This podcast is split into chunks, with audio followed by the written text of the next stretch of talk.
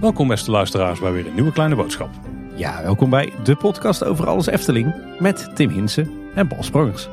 Hey Tim, volgens mij hebben we al heel vaak gezegd dat we het altijd super interessant vinden als er mensen de Efteling bezoeken die niet uit Nederland komen.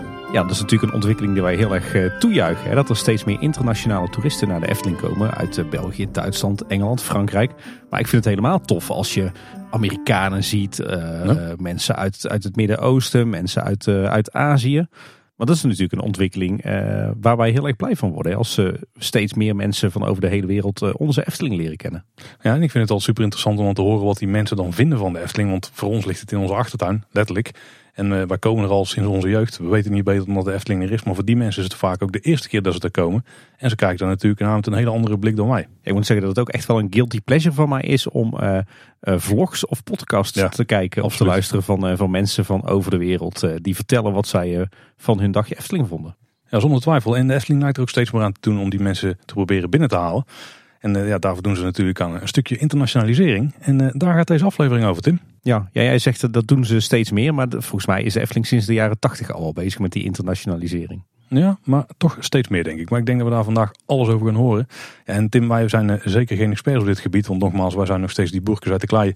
Die hier eh, gewoon al komen sinds onze, nou ja, wat zal het zijn? Ja, gewoon sinds de geboorte eigenlijk. Hè. Ja, ja boer, boerkes uit de Ketsheuvel zeggen we dan. Hè? Dus we hebben iemand laten aanschuiven die daar wel heel veel van weet. En eh, dat is Danny Nobel. Welkom bij Kleine Boodschap. Dankjewel, superleuk om hier te zijn. Nou, heel tof dat jij wilde aanschuiven. Want eh, ja, dan, dan moeten we misschien maar meteen met jouw introductie beginnen. Wie ben jij en wat doe jij in het dagelijks leven? Want daar zitten wel wat internationaliseringshaakjes. Ja, nou, mijn naam is dus Danny Nobel. Ik eh, ben 40 jaar. Als ik dat nu zelf zeg, schrik ik er eigenlijk ook gelijk weer een beetje van. Ik doe bijna met je mee. Ik wou net zeggen, dat is ook een beetje onze... We zitten allemaal in dezelfde generatie. Nou, ik ben net over de hill, dus eh, en ik, ja, nou, ja, het is even wennen, kan ik jullie zeggen. En ik werk eh, als eh, intercultureel adviseur. Eh, dat is mijn, mijn werk eigenlijk. bedrijven, organisaties, instellingen helpen met het, of ondersteunen, adviseren op het gebied van internationalisering. Kijk, een intercultureel adviseur. Dat klinkt sowieso bij mij als een droombaan in de oren, maar ook als de perfecte expert voor bij ons aan, aan tafel. Want je hebt volgens mij niet alleen iets met internationalisering en met culturen, maar ook met Efteling, hè? Ja, ja, zeker. Ik ben dan weliswaar geen eh boerke uit de Cats. Maar ik kom ook al wel, zolang ik me eigenlijk kan heugen, in de Efteling. Ik zat er dus vandaag ook nog over na te denken. Wat was nou mijn allereerste keer in de Efteling? Ja, ik weet het niet, maar ik heb echt hele vroege herinneringen dat ik gewoon heel klein was. Dat we dan in de Efteling waren. Ook in de herfst. Ook op zo'n beetje regenachtige dag als vandaag. Ik heb eigenlijk bijna geen actieve herinneringen dat ik niet al een Efteling-liefhebber eh, was, ben. Ja, dus eh, ook, eh, ook al lang, ja. En, en sinds wanneer kom je dan ongeveer in de Efteling? Ja, ik denk. Ik heb er vandaag dus echt even over proberen na te denken. Ik denk dat de allereerste keer dat ik me actief kan herinneren dat ik er was. Er zijn ook foto's dat ik nog heel klein ben. Dat ik op zo'n paddenstoel zit. hè. Die hebben allemaal. Nou, dat weet ik niet meer. En maar ik weet- nog wel dat het volk van Laaf bijvoorbeeld net nieuw was. Oh, begin jaren 90. Ja, precies. Nou, dat is een overeenkomst tussen ons drieën, want Ja. dan eh, zijn we allemaal sinds eh, ongeveer dezelfde fase eh, fan van de Efteling tenminste. Jij, jij kwam als kind dus al in de Efteling. Was je ook meteen al fan van de Efteling? Ja, ja. En ik weet dus niet hoe dat precies ontstaan is. Ik denk dat iets eh, me heel erg heeft aangetrokken in wat de Efteling eh, aanbood. Ja, op de basisschool was ik dat al. En daar stond ik dan ook al bekend als van, oh ja, dat, eh, Danny van de, die vindt Efteling eh, leuk. Ja, dus eigenlijk inderdaad al vanaf het begin, ja. Vroeger gingen we er dan één of twee keer per jaar naartoe.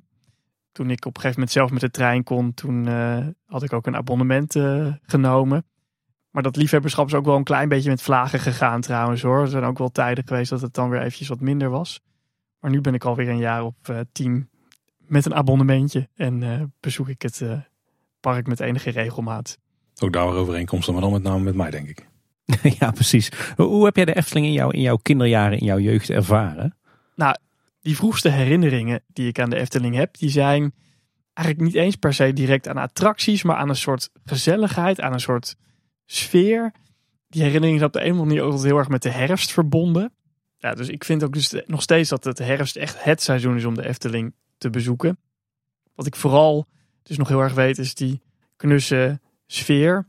Ehm, en ook vooral dat bossige wat de Efteling toen nog veel meer had als, eh, als nu. Maar nog steeds, ik bezoek de Efteling. Ik vind dat hele toffe attracties heeft. En daar bezoek ik de Efteling ook voor. Maar het gaat natuurlijk ook voor die, en dat zal voor heel veel mensen gelden, ook voor die, ja, die sfeer die het uitstraalt. En hoe heeft jouw liefde voor de Efteling zich in de, in de loop der jaren ontwikkeld?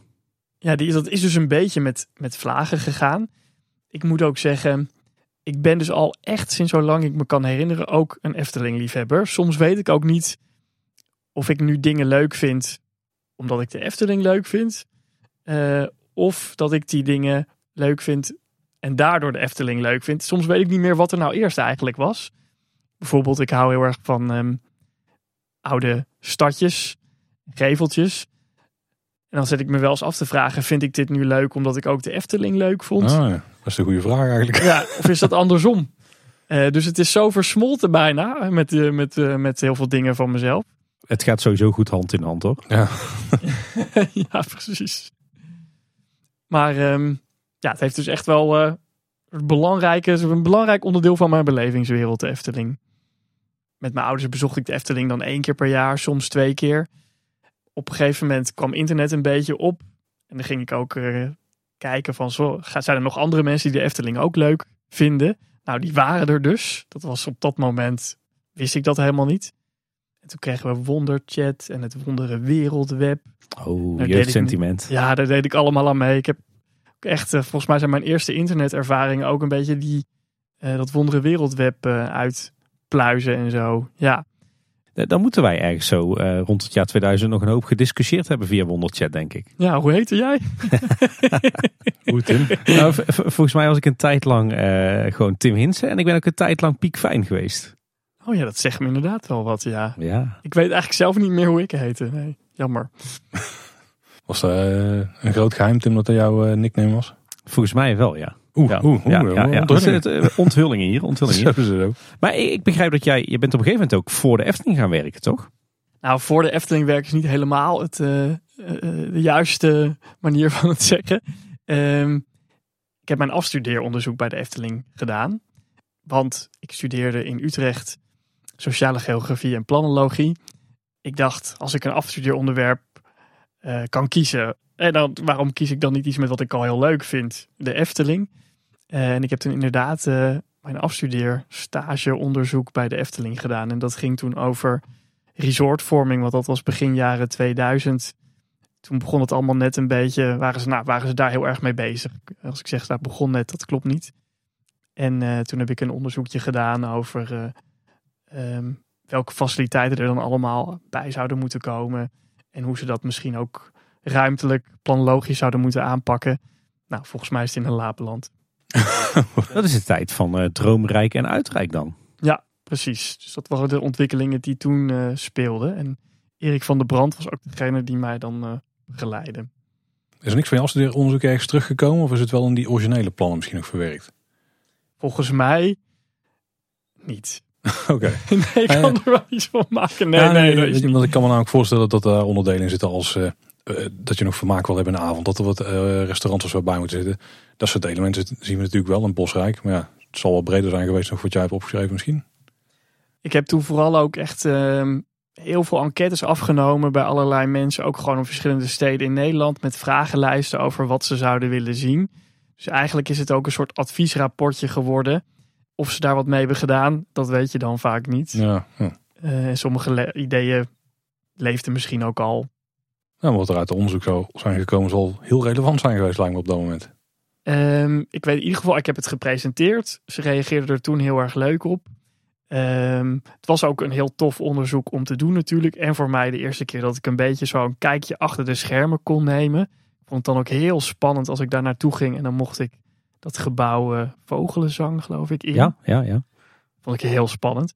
Ja, dus ik heb het in ieder geval zelf als, uh, als iets heel leuks uh, ervaren. Toen ik dat afstudeeronderzoek heb afgesloten, hè, dat was eigenlijk ook even het einde van nou, mijn relatie met de Efteling in die zin. Um, en werd ik weer gewoon een liefhebber. Maar ook in mijn latere werken ben ik wel eigenlijk altijd, heeft het een beetje met de Efteling, heb ik de Efteling er altijd een beetje proberen in te betrekken. Um, ik ben uiteindelijk na die studie in Utrecht nog Chinees gaan studeren. Oh, zo. Omdat ik dacht, goh, laat ik uh, eens even een tijdje naar het buitenland gaan. Het leek me heel leuk om naar China te gaan. Ik dacht, nou, dan ga ik dat studeren. Uiteindelijk uh, dacht van tevoren, oh, dat ga ik een jaar doen. Maar dat werd een heel stuk langer, want Chinees leer je niet zo heel erg snel. Um, en toen later ben ik uh, tolk en delegatiebegeleider geworden. En dan ook als er een delegatie kwam, probeerde ik die toch ook altijd weer eventjes mee te krijgen naar de Efteling. Maar dat waren dan officiële delegaties vanuit de Chinese regering? Of uh, waren dat gewoon groepen toeristen? Uh, dat waren soms officiële delegaties. Soms waren dat handelsdelegaties vanuit China. En soms ging ik op pad uh, met de echtgenotes van bijvoorbeeld een, een handelsdelegatie. Die hadden dan zelf niet zo'n heel zakelijk programma. Dus die hadden dan tijd voor wat extra leuke activiteiten. Nou, nam ik ze vaak mee naar, naar Kaatsheuvel. Dus je hebt de, Efteling ook aan mensen gewoon laten zien. Gewoon echt letterlijk met ze door het park lopen en dan dingen over het park ook vertellen of zo? Of hoe moet ik me dat voorstellen? Nou, het was altijd best wel lastig om de Efteling in zo'n tour te krijgen. Omdat het natuurlijk niet een heel vanzelfsprekende bestemming is als je naar Nederland komt. Dus ik moest hem eigenlijk altijd heel erg verdedigen van waarom wil ik dit in het programma hebben. Um, en dat deed ik dan met allerlei dingen. Hè, van als het is toch ook, het is echt een soort cultureel erfgoed. Je kunt heel veel Nederlandse dingen ervaren. Dus dan, ja, dan moest ik ze dat ook wel een beetje laten zien. Dus dan liepen we ook wel van nou ja, stroopwafelpunt naar um, poffertjeskraam. En dan tussendoor wat dingen. Argumenten als eh, de best bezochte toeristische attractie van het land en zo. Liepen die nog enigszins? Of? Als je met toeristen te maken hebt die echt van ver weg komen. Waarvoor het niet super vanzelfsprekend is dat ze in Europa zijn. En als ze er dan zijn, dan hebben ze natuurlijk heel veel grote dingen die ze eigenlijk zouden willen zien. Um, en bij een attractiepark denken ze dan toch vaak van ja, dat hebben we misschien zelf ook wel. Mm, Oké. Ja, ja, daar ging ik dan natuurlijk altijd. Uh, dus daar kwam ik met mijn hele verhaal dan natuurlijk, ja. Maar alleen te zeggen van het best, bezorgde, best bezochte park. Ik weet niet of dat het topargument zou zijn. Dat wordt toch de binnenstad van Amsterdam. Ja. Een de reactie dan naar de rand van zo'n groep waren dan wel positief? Ja, eigenlijk waren de reacties altijd super positief. Omdat er buiten dat het dan ook gewoon een leuk dagje uit was. Uh, waarin ze allerlei Nederlandse dingetjes hebben kunnen proeven. Uh, hele toffe foto's hebben kunnen maken. Waren ze ook altijd wel heel erg onder de indruk van de natuur en van de bloemen. Het is ook heel veilig. Als je het even vergelijkt met uh, nou, een dagje in Amsterdam rondlopen of een dagje in Brussel rondlopen. Of je loopt in de Efteling. En je moet ook dan bedenken dat zijn mensen die helemaal niet gewend zijn om zo in zo'n Europese stad rond te lopen. Ja, die vonden dat dan super ontspannen eigenlijk. Zo'n ja. dagje in de Efteling waar je niet door fietsers uh, overreden wordt. Tenzij er een EHBO er uh, fanatiek langskomt, maar dat valt meestal wel mee. Dat valt er meestal mee, ja. Uh, nee, dus dat was eigenlijk, vond ik dat altijd ontzettend leuk, ja. Ja, ik wel een goede, helemaal nooit bij stilgestaan. Ja, maar dat is ook wel een, zeg maar, gewoon het feit dat je over de paden gewoon op je gemak kunt lopen. Dat kan inderdaad niet in iedere grote stad, ook niet in de parken daar. Nee, en ik denk voor, ook voor ons en voor veel, veel van onze luisteraars is de Efteling ook echt een happy place en onze safe place. Nou, ik kan me voorstellen dat als jij in een nieuw land bent, in een nieuwe cultuur, dat de Efteling ook wel redelijk uh, vertrouwd en veilig voelt. Ik, ik weet dat toen wij uh, twee weken in Hongkong waren, mijn vrouw en ik, dat Hongkong Disneyland ook, het, ja, ook heel erg vertrouwd en makkelijk en veilig voelde. Ja. En dat is natuurlijk, werkt twee kanten op. Ja, precies. En zeker als je het erg vergelijkt hè, met andere bekende toeristische plekken, die vaak midden in steden zijn en zo, waar het heel erg druk is, waar er veel verkeer is. Uh, waar er misschien ook nou, soms een beetje onguurlijk kan uitzien of onveilige situaties kunnen ontstaan. En dan kom je ineens in zo'n heel groen, uh, bloemrijk park. Ja, dat is super ontspannen. Dus het was ook vaak echt voor van die delegaties dan echt even een dagje ontspannen tussen alle drukte door. Ja. ja met een kaneellucht in plaats van een wietlucht. Ene kruid, andere kruid.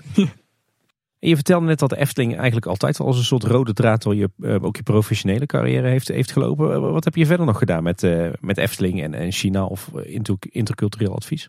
Nou, pre-corona was, waren Chinese toeristen heel erg in opkomst. Er kwamen er elk jaar veel en veel meer Chinese toeristen naar Nederland.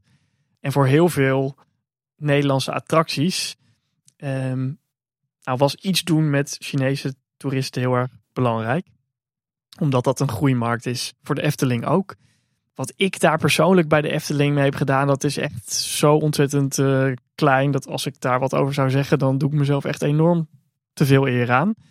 Maar wat misschien wel heel erg leuk is om te zeggen, en volgens mij weet ook bijna niemand dat, is dat de Efteling bijvoorbeeld echt een aparte Chinese app heeft. Een WeChat mini-program heet dat voor de insiders. Wat helemaal een aparte app is, helemaal Chinees-talig Oh. eh, over het park. Oh, serieus? Ja, dat bestaat. En nu we toch al een, paar keer over, over China en jouw band met China hebben gehad, ben ik eigenlijk wel benieuwd. Eh, jij, jij vertelde net aan het begin van deze aflevering dat je intercultureel adviseur bent. Zeg ik even uit mijn hoofd. Ja, klopt. Ik ben wel benieuwd.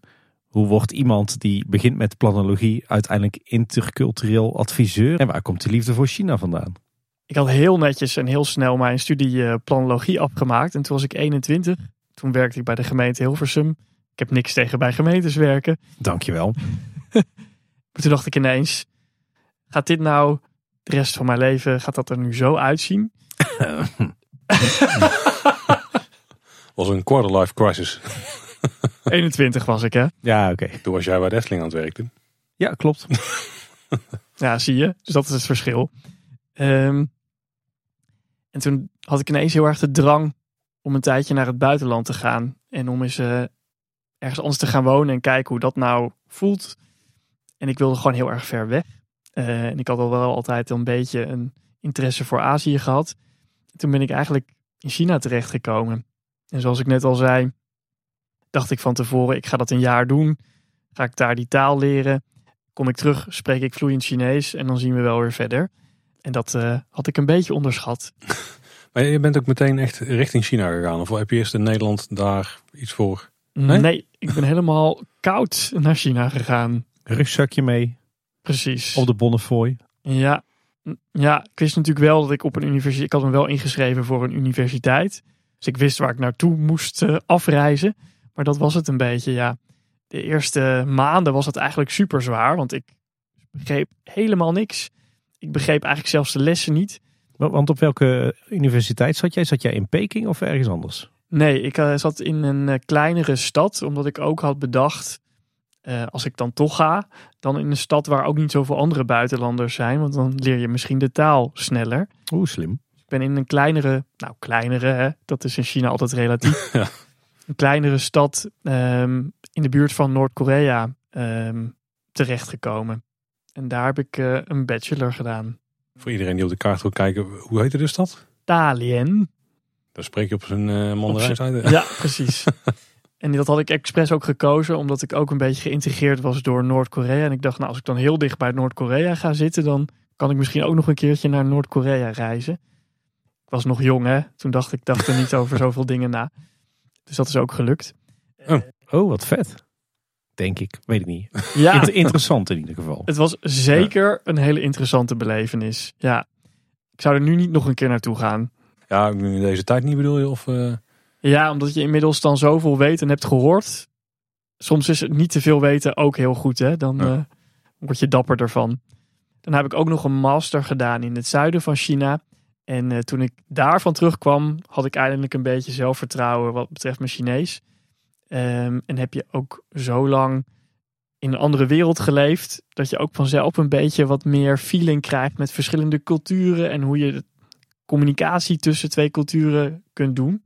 En zo is dat een klein beetje mijn werk geworden. Hey, jij zegt Chinees, maar er is mij altijd verteld dat Chinees niet bestaat. Je hebt Mandarijn en Kantonees, toch? En nog veel andere uh, talen. Uh, en het Mandarijn is een beetje het ABC, het algemeen beschaafd Chinees.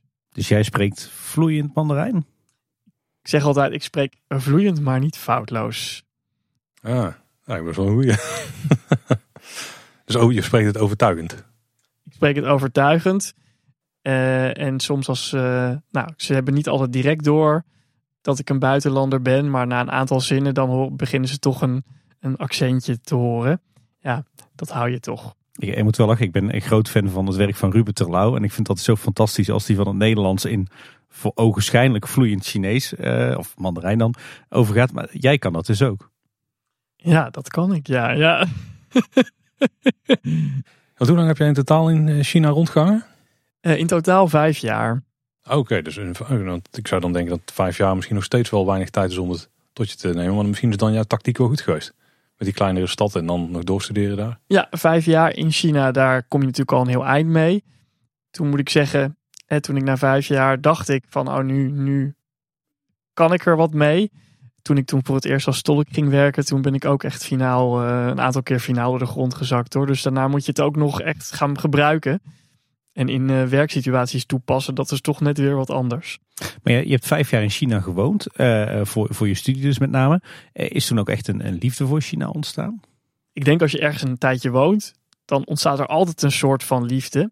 China voelt dus wel een beetje als een soort tweede thuis. Als ik er naartoe ga, voelt het ook wel een beetje als een soort thuiskomen. Want je weet hoe alles werkt. Je weet wat je er, hè, wat je er kan verwachten en hoe je dingen geregeld moet krijgen. Maar een land als China, ja, echt liefde is altijd wel lastig. Want het is ook zo anders. En het is ook een land met zoveel kanten waar je als Nederlander je vraagtekens bij zet. Dat liefde is wel een groot woord. En na die vijf jaar ben je terug naar Nederland uh, gegaan. Uh, waarom dat? Omdat de Efteling in Nederland is. Nee. Wel een aardige reden. Goed antwoord, ja. nee, omdat um, ik vind het heel erg leuk om in het buitenland te wonen. Uh, maar ik vind het ook heel erg leuk om in mijn eigen land te zijn. Waar je niet altijd de buitenlander bent. En dat ben je in China wel. Je wordt daardoor ook op, altijd op een andere manier toch behandeld. En dat kan soms heel leuk zijn en soms heel vervelend. En op een gegeven moment is dat ook vermoeiend. Vandaar dat ik dacht, Nederland is en blijft mijn thuisbasis. Wat ben je na, thu na thuiskomst in Nederland gaan doen? Ik ben eerst als tolk en delegatiebegeleider gaan werken.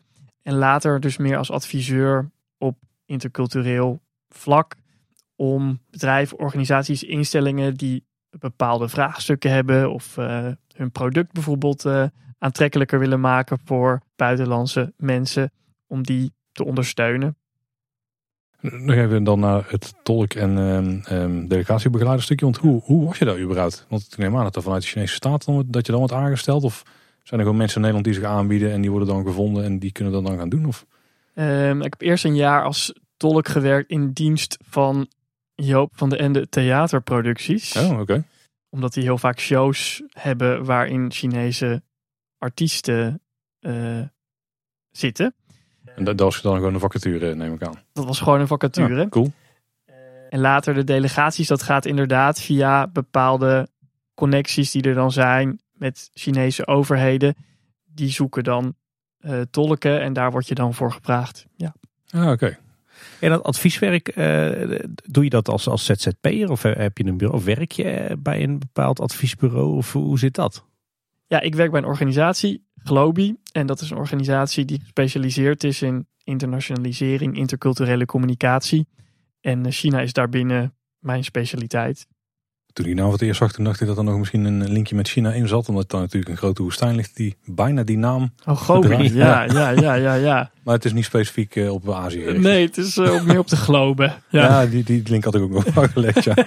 ik, heb, ik heb op jullie website zitten kijken. Dat is een behoorlijk fors bureau nog met uh, mensen uit allerlei windstreken. Klopt, ja. Ja, omdat er natuurlijk binnen internationalisering kan je ontzettend veel vraagstukken hebben. Hè. Je kunt een organisatie een museum of een park zijn die meer internationale gasten wil trekken. Uh, maar je kunt bijvoorbeeld ook een ziekenhuis zijn waar steeds meer patiënten zijn met een niet-Nederlandse achtergrond. Die andere wensen of andere verwachtingen hebben. Uh, waar het personeel op moet inspelen. Ja, dat kan ook een vraagstuk zijn. En zijn er ook bedrijven die dan met een product juist de Aziatische markt op willen? Of komt er minder vaak voor? Ja, ook dat. Ja, dus hoe ga je is jouw product zo geschikt voor de Aziatische markt? En hoe ga je dat doen? En uh, hoe betreed je bijvoorbeeld überhaupt de Chinese markt? Want daar zit ook nog uh, wel wat haken en ogen aan. Ja, ja want heb je dan ook van die vraagstukken? Want ik kan me namelijk eh, herinneren dat bepaalde Hollywoodfilms... dat die dan alleen in China vertoond mogen worden als daar uh, of een deel van in China is gefilmd of dat er Chinese acteurs aan Ja, precies. Dat soort dingen zijn er al. En dat heb je voor eigenlijk alle sectoren hoor. Dat daar ja. uh, gekke eisen of dingetjes aan zitten. Ja. En, en stel ik ben uh, directeur bij de Efteling en ik denk ik wil Jokie het ook uit gaan rollen in China. Dan is het dus wel verstandig dat ik eerst bij Globi aanklop en zeg... joh, ik heb hier Jokie en Jet. Als ik dat nou vertaal, is dat dan geschikt voor de Chinese markt?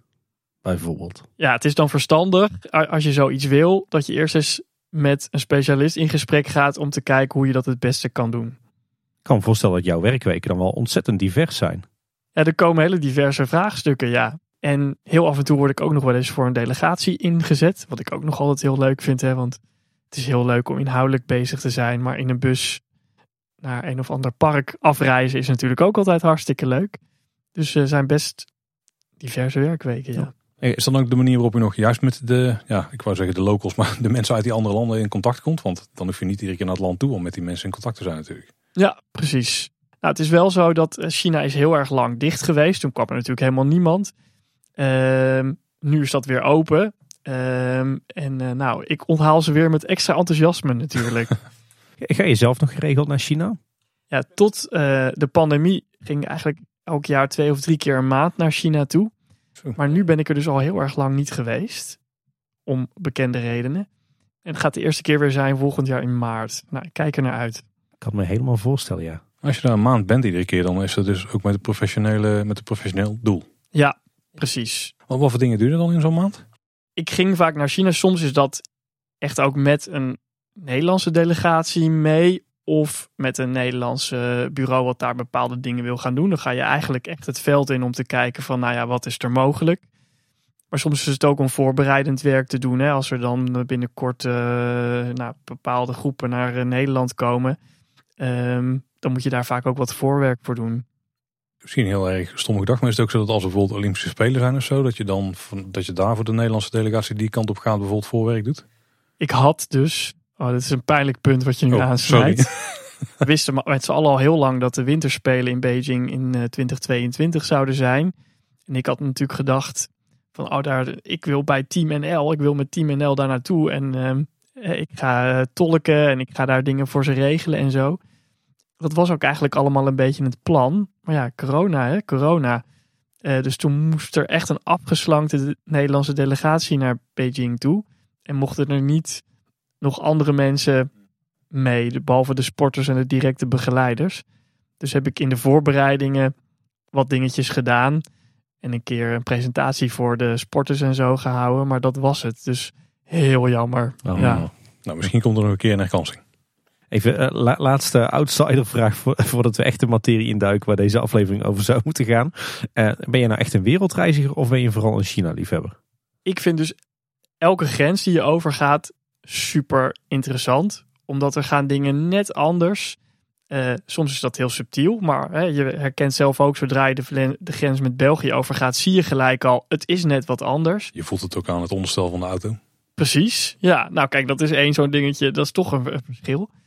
En dat gevoel van in het buitenland zijn, even uitzoeken hoe het werkt, dingen die anders zijn bekijken, observeren, uh, ja, vind ik gewoon super tof. Dus eigenlijk vind ik elk land ook heel erg leuk.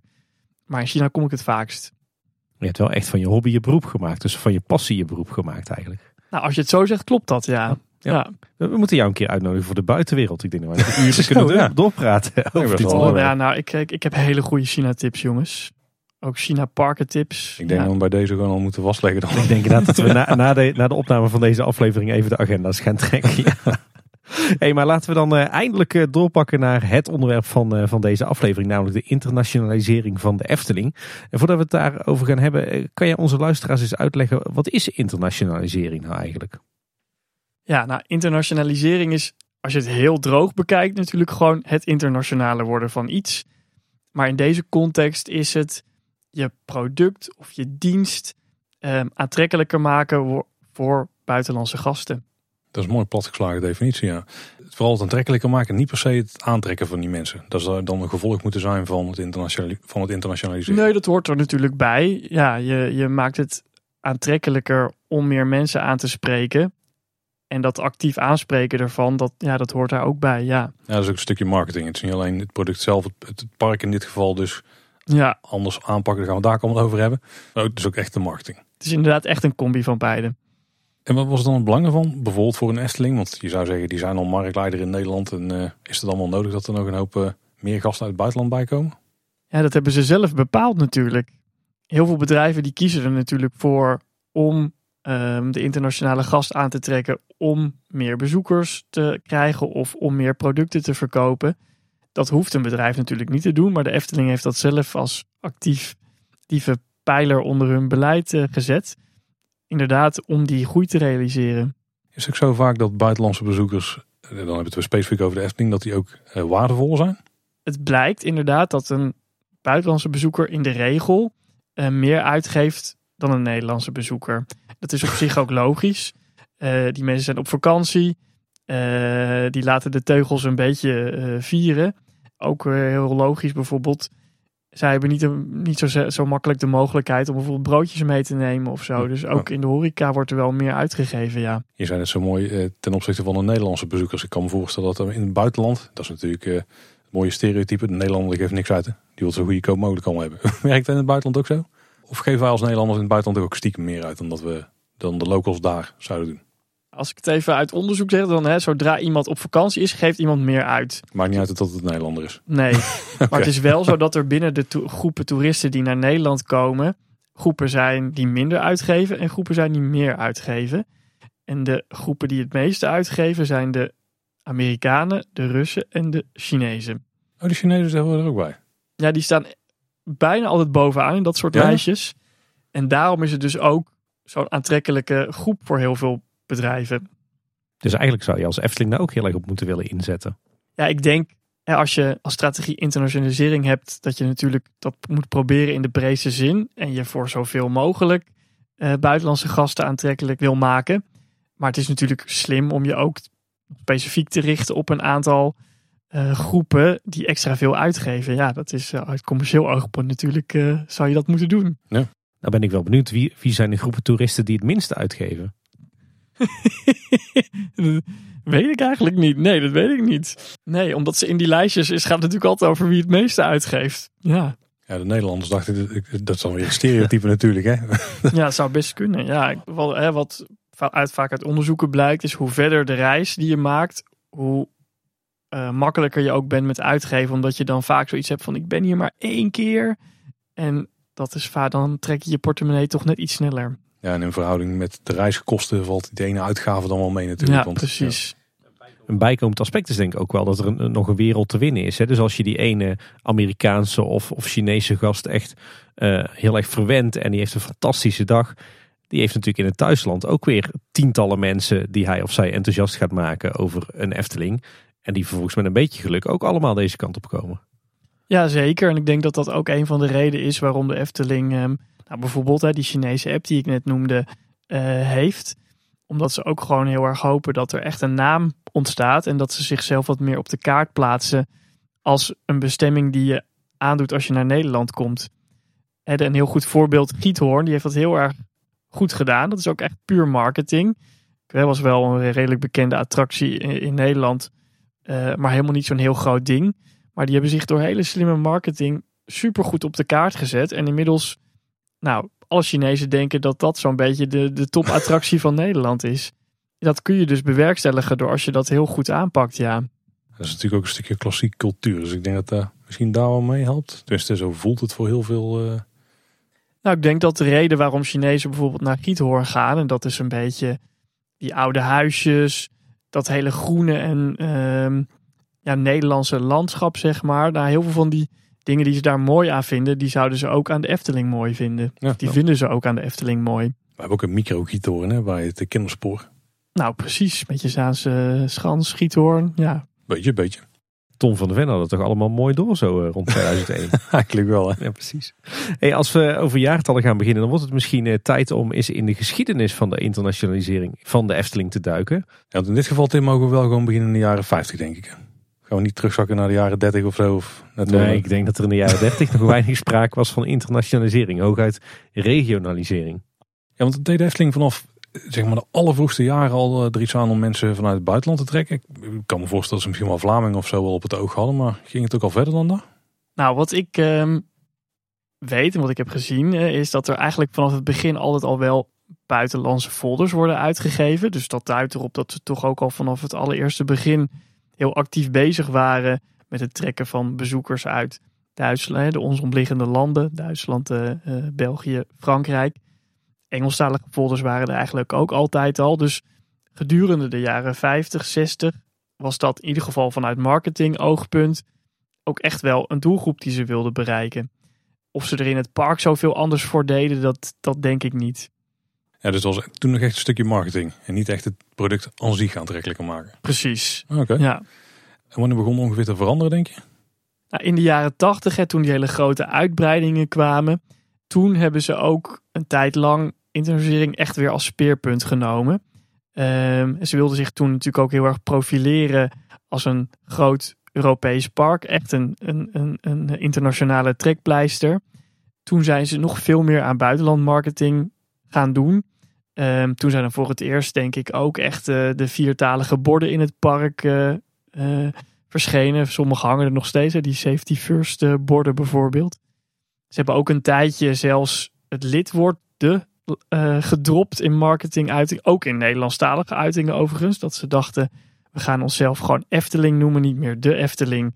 Want dat lidwoordje de maakt het net iets minder internationaal misschien. Ehm, dus zeker in de jaren tachtig is dat een tijdje echt wel een heel belangrijk speerpunt geweest. Daarna is het weer een beetje ingezakt. Dat kun je ook echt wel zien, want ik weet dat, dat met name de jaren 80 attracties, eh, de, de Halve Maan, de Python, eh, de, de Piranha, Carnaval Festival, de Bob, Fata Morgana. Dat waren die attracties waar alle borden enorm groot waren, omdat alles er in vier talen op moest. Weet je wat men ook beseft? Dat dat ook de tijd was dat de Efteling voor het eerst met buitenlandse partijen ging samenwerken. Want toen kreeg je al die uh, ritssystemen die vanuit uh, Zwitserland werden geleverd, vanuit Duitsland en zo. Dan komen we namelijk ook meer in het internationale wereldje terecht. En die bedrijven leveren natuurlijk ook aan parken die over heel de wereld opereren. Want om maar de Piranha bijvoorbeeld als voorbeeld te nemen. Nou, de Efteling die zou misschien de eerste versie krijgen. Uiteindelijk is die in de Verenigde Staten ergens opgetrokken. Dan, dan weet je ook, oké, daar vinden die mensen interessant. Misschien dat ze dat hier ook wel interessant vinden om dat soort dingen te gaan doen. Dus dat misschien van daaruit ook dat vlammetje extra aangewakkerd werd. Ik denk dat toen hun ambitie om een groot internationaal park te worden, heel veel dingen een beetje in gang heeft gezet. Dus inderdaad, veel buitenlandse parken bezoeken, uh, veel samenwerken met de buitenlandse leveranciers. En dus ook aan de voorkant, nou, inderdaad, mega grote borden waar alles in vier talen op stond. Uh, en actieve buitenlandmarketing. Ja. En je zei dat dat kakte daarna weer in? Ja, eigenlijk begin jaren negentig kakte dat weer een beetje in. Dat kon je ook heel letterlijk zien, dat dan ineens niet meer de borden in vier talen werden uh, opgehangen. En ik denk dat dat heel veel te maken heeft met Disneyland Parijs, met de komst van Euro Disney. Omdat heel veel parken, en de Efteling was er daar één van, juist zich weer heel erg op die lokale markt gingen richten en gingen zeggen: kijk, uh, wat Disney heeft, dat vind je bij ons ook. Je kunt ook gewoon naar ons toe komen. Je hoeft niet de grens over. Volgens mij zijn ze zich toen juist weer een beetje gaan lokaliseren. Om te zorgen dat die Nederlandse bezoeker niet naar het buitenland ging. Kom maar naar ons. En was die buitenlandse bezoeker even weer niet de focus. Want als een attractie niet echt buitenlandse gastvriendelijk is, dan is het wel Villa Volta, denk ik. Tenminste, met name de voorshows en zo. Hoofdshows natuurlijk top. En je hebt ook de verhaalvelden nog buiten hangen die wel meertalig zijn. Ja, maar die hingen er ook in het begin nog niet, hè? Nou, hier, case in point. Ja, ja, ja, en volgens mij was Droomvlucht ook de eerste grote attractie waarbij alle bebording weer gewoon alleen in het Nederlands was. Alles Droomvlucht als attractie aan zich natuurlijk wel heel geschikt voor de buitenlandse gast. Want je hoeft geen woord Nederlands te spreken om te weten wat daar gebeurt. Nee, inderdaad. Uh, wanneer is dat weer veranderd? Het is weer een beetje veranderd. Eigenlijk um, aan het eind van de jaren 2000. Toen ze ook actief bezig waren, gingen met die vakantieparken. Komst van Bart de Boer. Uh, dat ineens die buitenlandse bezoeker weer een stuk interessanter werd. Hè. Ze moeten die accommodatie ook vullen. En er werd een heel actieve groeistrategie ingezet voor het aantal bezoekers. En toen kwam die buitenlandse bezoeker er ineens weer heel erg bij kijken. Natuurlijk ook een stuk belangrijker als je alle dagen van het jaar open bent. Want stel je komt naar Nederland, je weet dat Efteling een ding is. Misschien iets wat je ligt. Maar je was net in die maanden dat het park dicht was. Ja, dan had je gewoon dikke vette pech. Als het park het hele jaar open is, dan blijft het altijd interessant om daar uh, in ieder geval een bezoekje ook aan te brengen. Ja, en bovendien wat ook uh, interessant is natuurlijk, is dat in de landen om ons heen zijn soms feestdagen anders. Oh ja. Daar kan de Efteling dan ook van profiteren hè, als ze altijd open zijn. Waarvan we weten dat dat zeker gebeurt. Ja, de dagen dat er. Nou, soms dan kom je op een doordeweekse dag in de Efteling. Denk je, was het ontzettend druk. En dan is er een of andere wazige feestdag in Duitsland of zo. Ja. Wat me daarbij wel bij opvalt, is dat als je dan kijkt naar de attracties uit, uit zeg maar de jaren 10. Uh, Joris en de Draak Ravelijn is nog redelijk op de Nederlandse markt gericht. Voor mijn gevoel is het pas echt rond uh, Baron en Symbolica dat ze echt bij de ontwikkeling van attracties echt gaan kijken naar die internationale gasten. Want we weten van beide attracties dat de naam, bij de naamgeving, dat ze heel erg hebben nagedacht over spreekt het de internationale gasten aan. Maar dat zijn ook weer de eerste attracties waar we echt alle bebording in vier talen zien. Waar uh, teksten ook in Nederlands en Engels zijn ingesproken. Er zitten nu een paar luisteraars tegen een koptelefoon te roepen. Baron akkenakkenangending. ja, maar zeg nou zelf, wij noemen dat ding toch ook gewoon de Baron? Ja, En dat Baron is natuurlijk wel een hele vette attractie. Dat, dat namelijk. klinkt zeker vet, ja. ja. En ze zijn dat op een gegeven moment ook steeds consequenter gaan doen. Eh, ook qua taalbeleid. Dus inderdaad alles in vier talen. Maar bijvoorbeeld ook de volgorde van die vier talen overal hetzelfde. Mededelingen die dan altijd tweetalig zijn. eh, belangrijke mededelingen altijd viertalig. Er zit inderdaad een soort ontwikkeling in waarin ze al die dingen steeds consequenter doorvoeren. En je ziet volgens mij ook dat de laatste paar jaar bij iedere onderhoudsbeurt dat, eh, dat alle beboording onder handen wordt genomen. En dat eh, na zo'n onderhoudsbeurt dat er dan ineens inderdaad ook de Engelse vertaling of soms de, de Engelse, Duitse en Franse vertaling op datzelfde oude bord staat. Ja, klopt inderdaad. Ja, en trouwens Ravelijn aan Tim als voorbeeld waarbij ze het niet hadden meegenomen. Zit die, eh, het feit dat je zo'n koptelefoontje kunt met zo'n zo'n zendertje kunt lenen. Waarmee je synchroon de audio meekrijgt in een andere taal. Zit er niet vanaf begin af aan al in? Is dat bij een van de eerste revisies meegenomen? Volgens mij is dat, dat eh, niet vanaf het allereerste begin. Volgens mij is dat er later bijgekomen. En het is ook niet echt bron aanpakken. Eigenlijk moet je, zou je voor een show moeten kiezen die internationaal is. In plaats van dat je er een kastje bij levert waar je de vertaling kunt. Nou, op zich is zo dat bij die eerste shows dan de mensen die wel Nederlands konden of niet. Het maakt eigenlijk niet zoveel verschil van hoeveel je ervan snapte. Dus dat is ook alweer zo. Dat is ook een tactiek, hè? Ja. ik, weet, ik weet niet in hoeverre de naam Ravelijn nou heel erg makkelijk uit te spreken is. Ravelin is het wel heel veel. Ja, ja, dat klopt wel. Ja, Ja, maar ik denk dat, dat we daar misschien dadelijk nog wel eens over terugkomen. Omdat attractienamen hè, en hoeverre je die internationaal moet maken. En of heel makkelijk, eh, of heel makkelijk uitspreekbaar moet laten zijn. Of dat nou zo'n belangrijk ding is om je park aantrekkelijk te maken.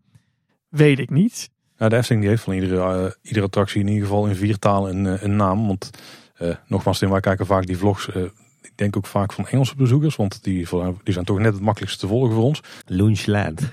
Ja, oké, dat is dan misschien niet het beste voorbeeld. maar eh, Joris en de Draak is daar gewoon uh, stevig als George and the Dragon. En zo hebben ze voor alle sprookjes ook de Engelse naam. Want die, die kennen ze ook. Want die staan ook in de app natuurlijk. Als jij die in het Engels gebruikt. En op de site, eh, alle attracties zijn daar ook in vier talen te zien. Dat is ook waarom wij weten dat eh, Bertram Botschafter. Dat daar de Duitse naam is voor Kleine Boodschap. En wat was de Frans ook alweer?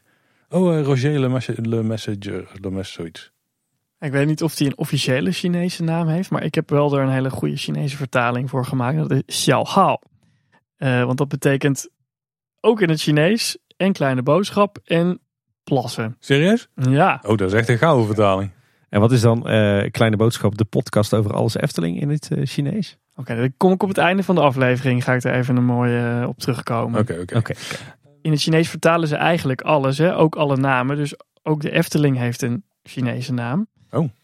Ehm, die natuurlijk heel erg lijkt op de Nederlandse uitspraak. Maar niet helemaal. Het is Ai Fu Te Lin. Huh? Oké. Oh, Ja, Dat is de eerste keer dat ik dat hoor. we gaan straks de slogan even voor jullie in het Chinees doen. Ja. Toen wij in China waren, toen heb ik op een gegeven moment had ik met een, eh, want dan krijg je altijd een lokale gids mee, hè, want die maakt niet uit. Je kunt de gids hebben uit Nederland, uit ieder land wat je wil, maar er moet altijd een lokale gids bij zijn.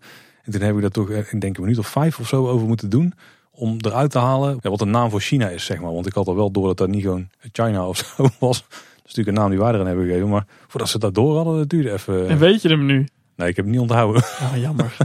Jij weet hem vast wel. Zhongguo. Dus het is ook net wel anders, hè Tim?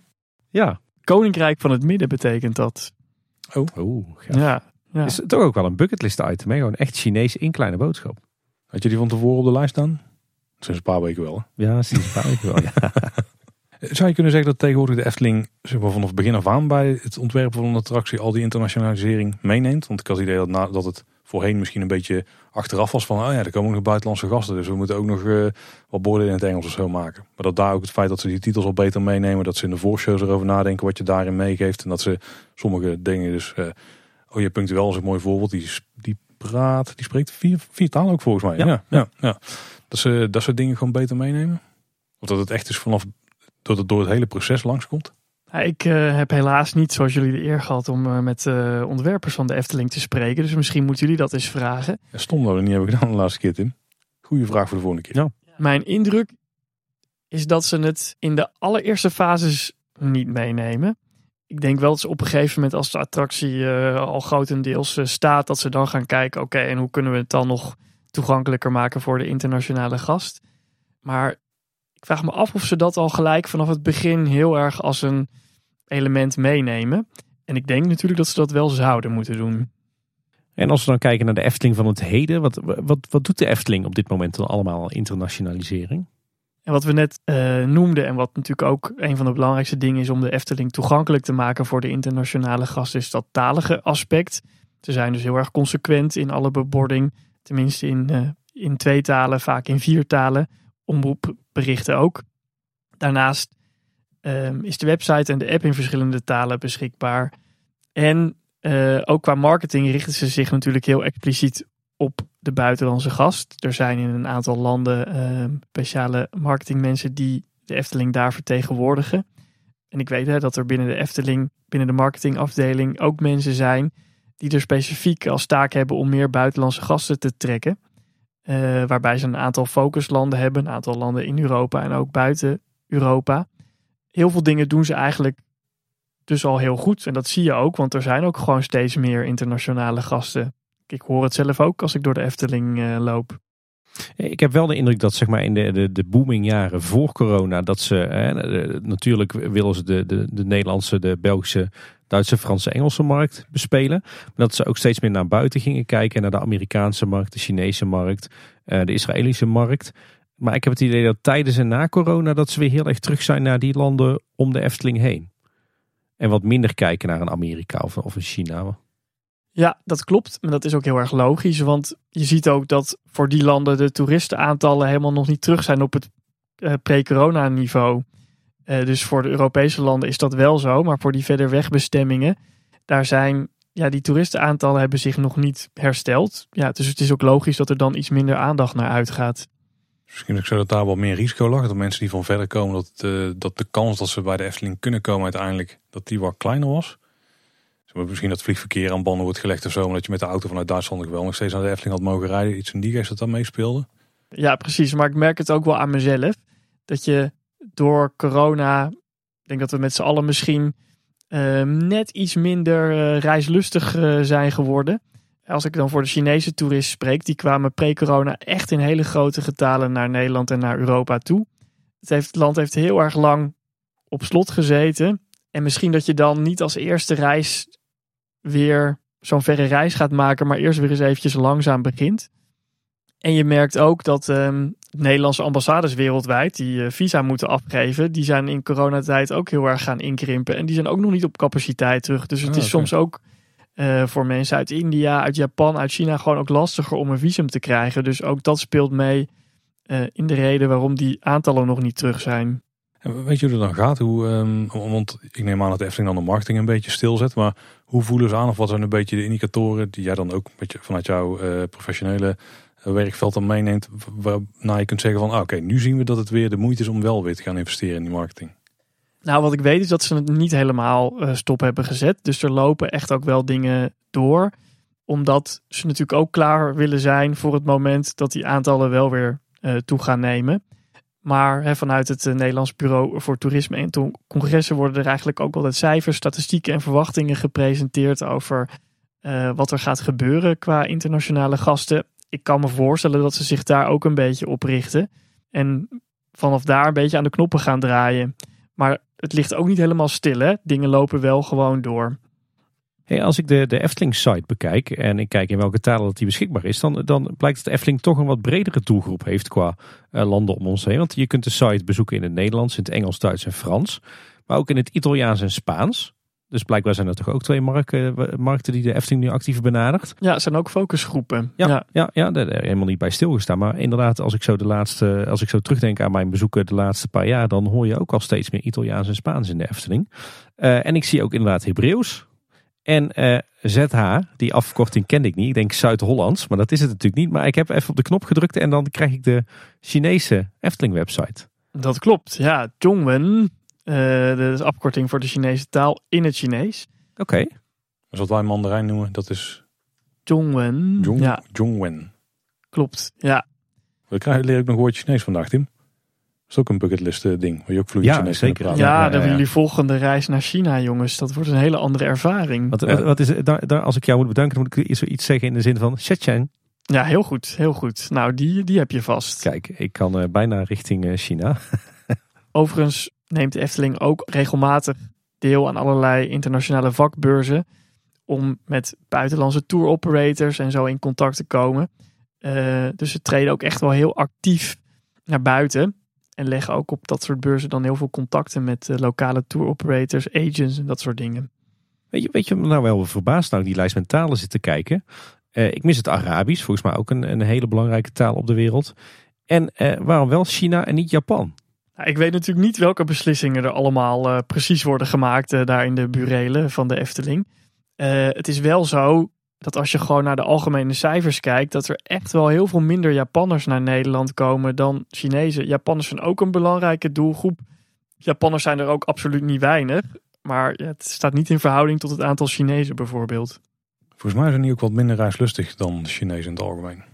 Ja, dit, dit weet ik niet. Want nu ga ik iets zeggen wat ik zelf uit mijn gevoel. Maar wat ik het idee heb is dat um, Japanners vaak nog meer dan Chinezen heel erg een paar standaard punten aflopen.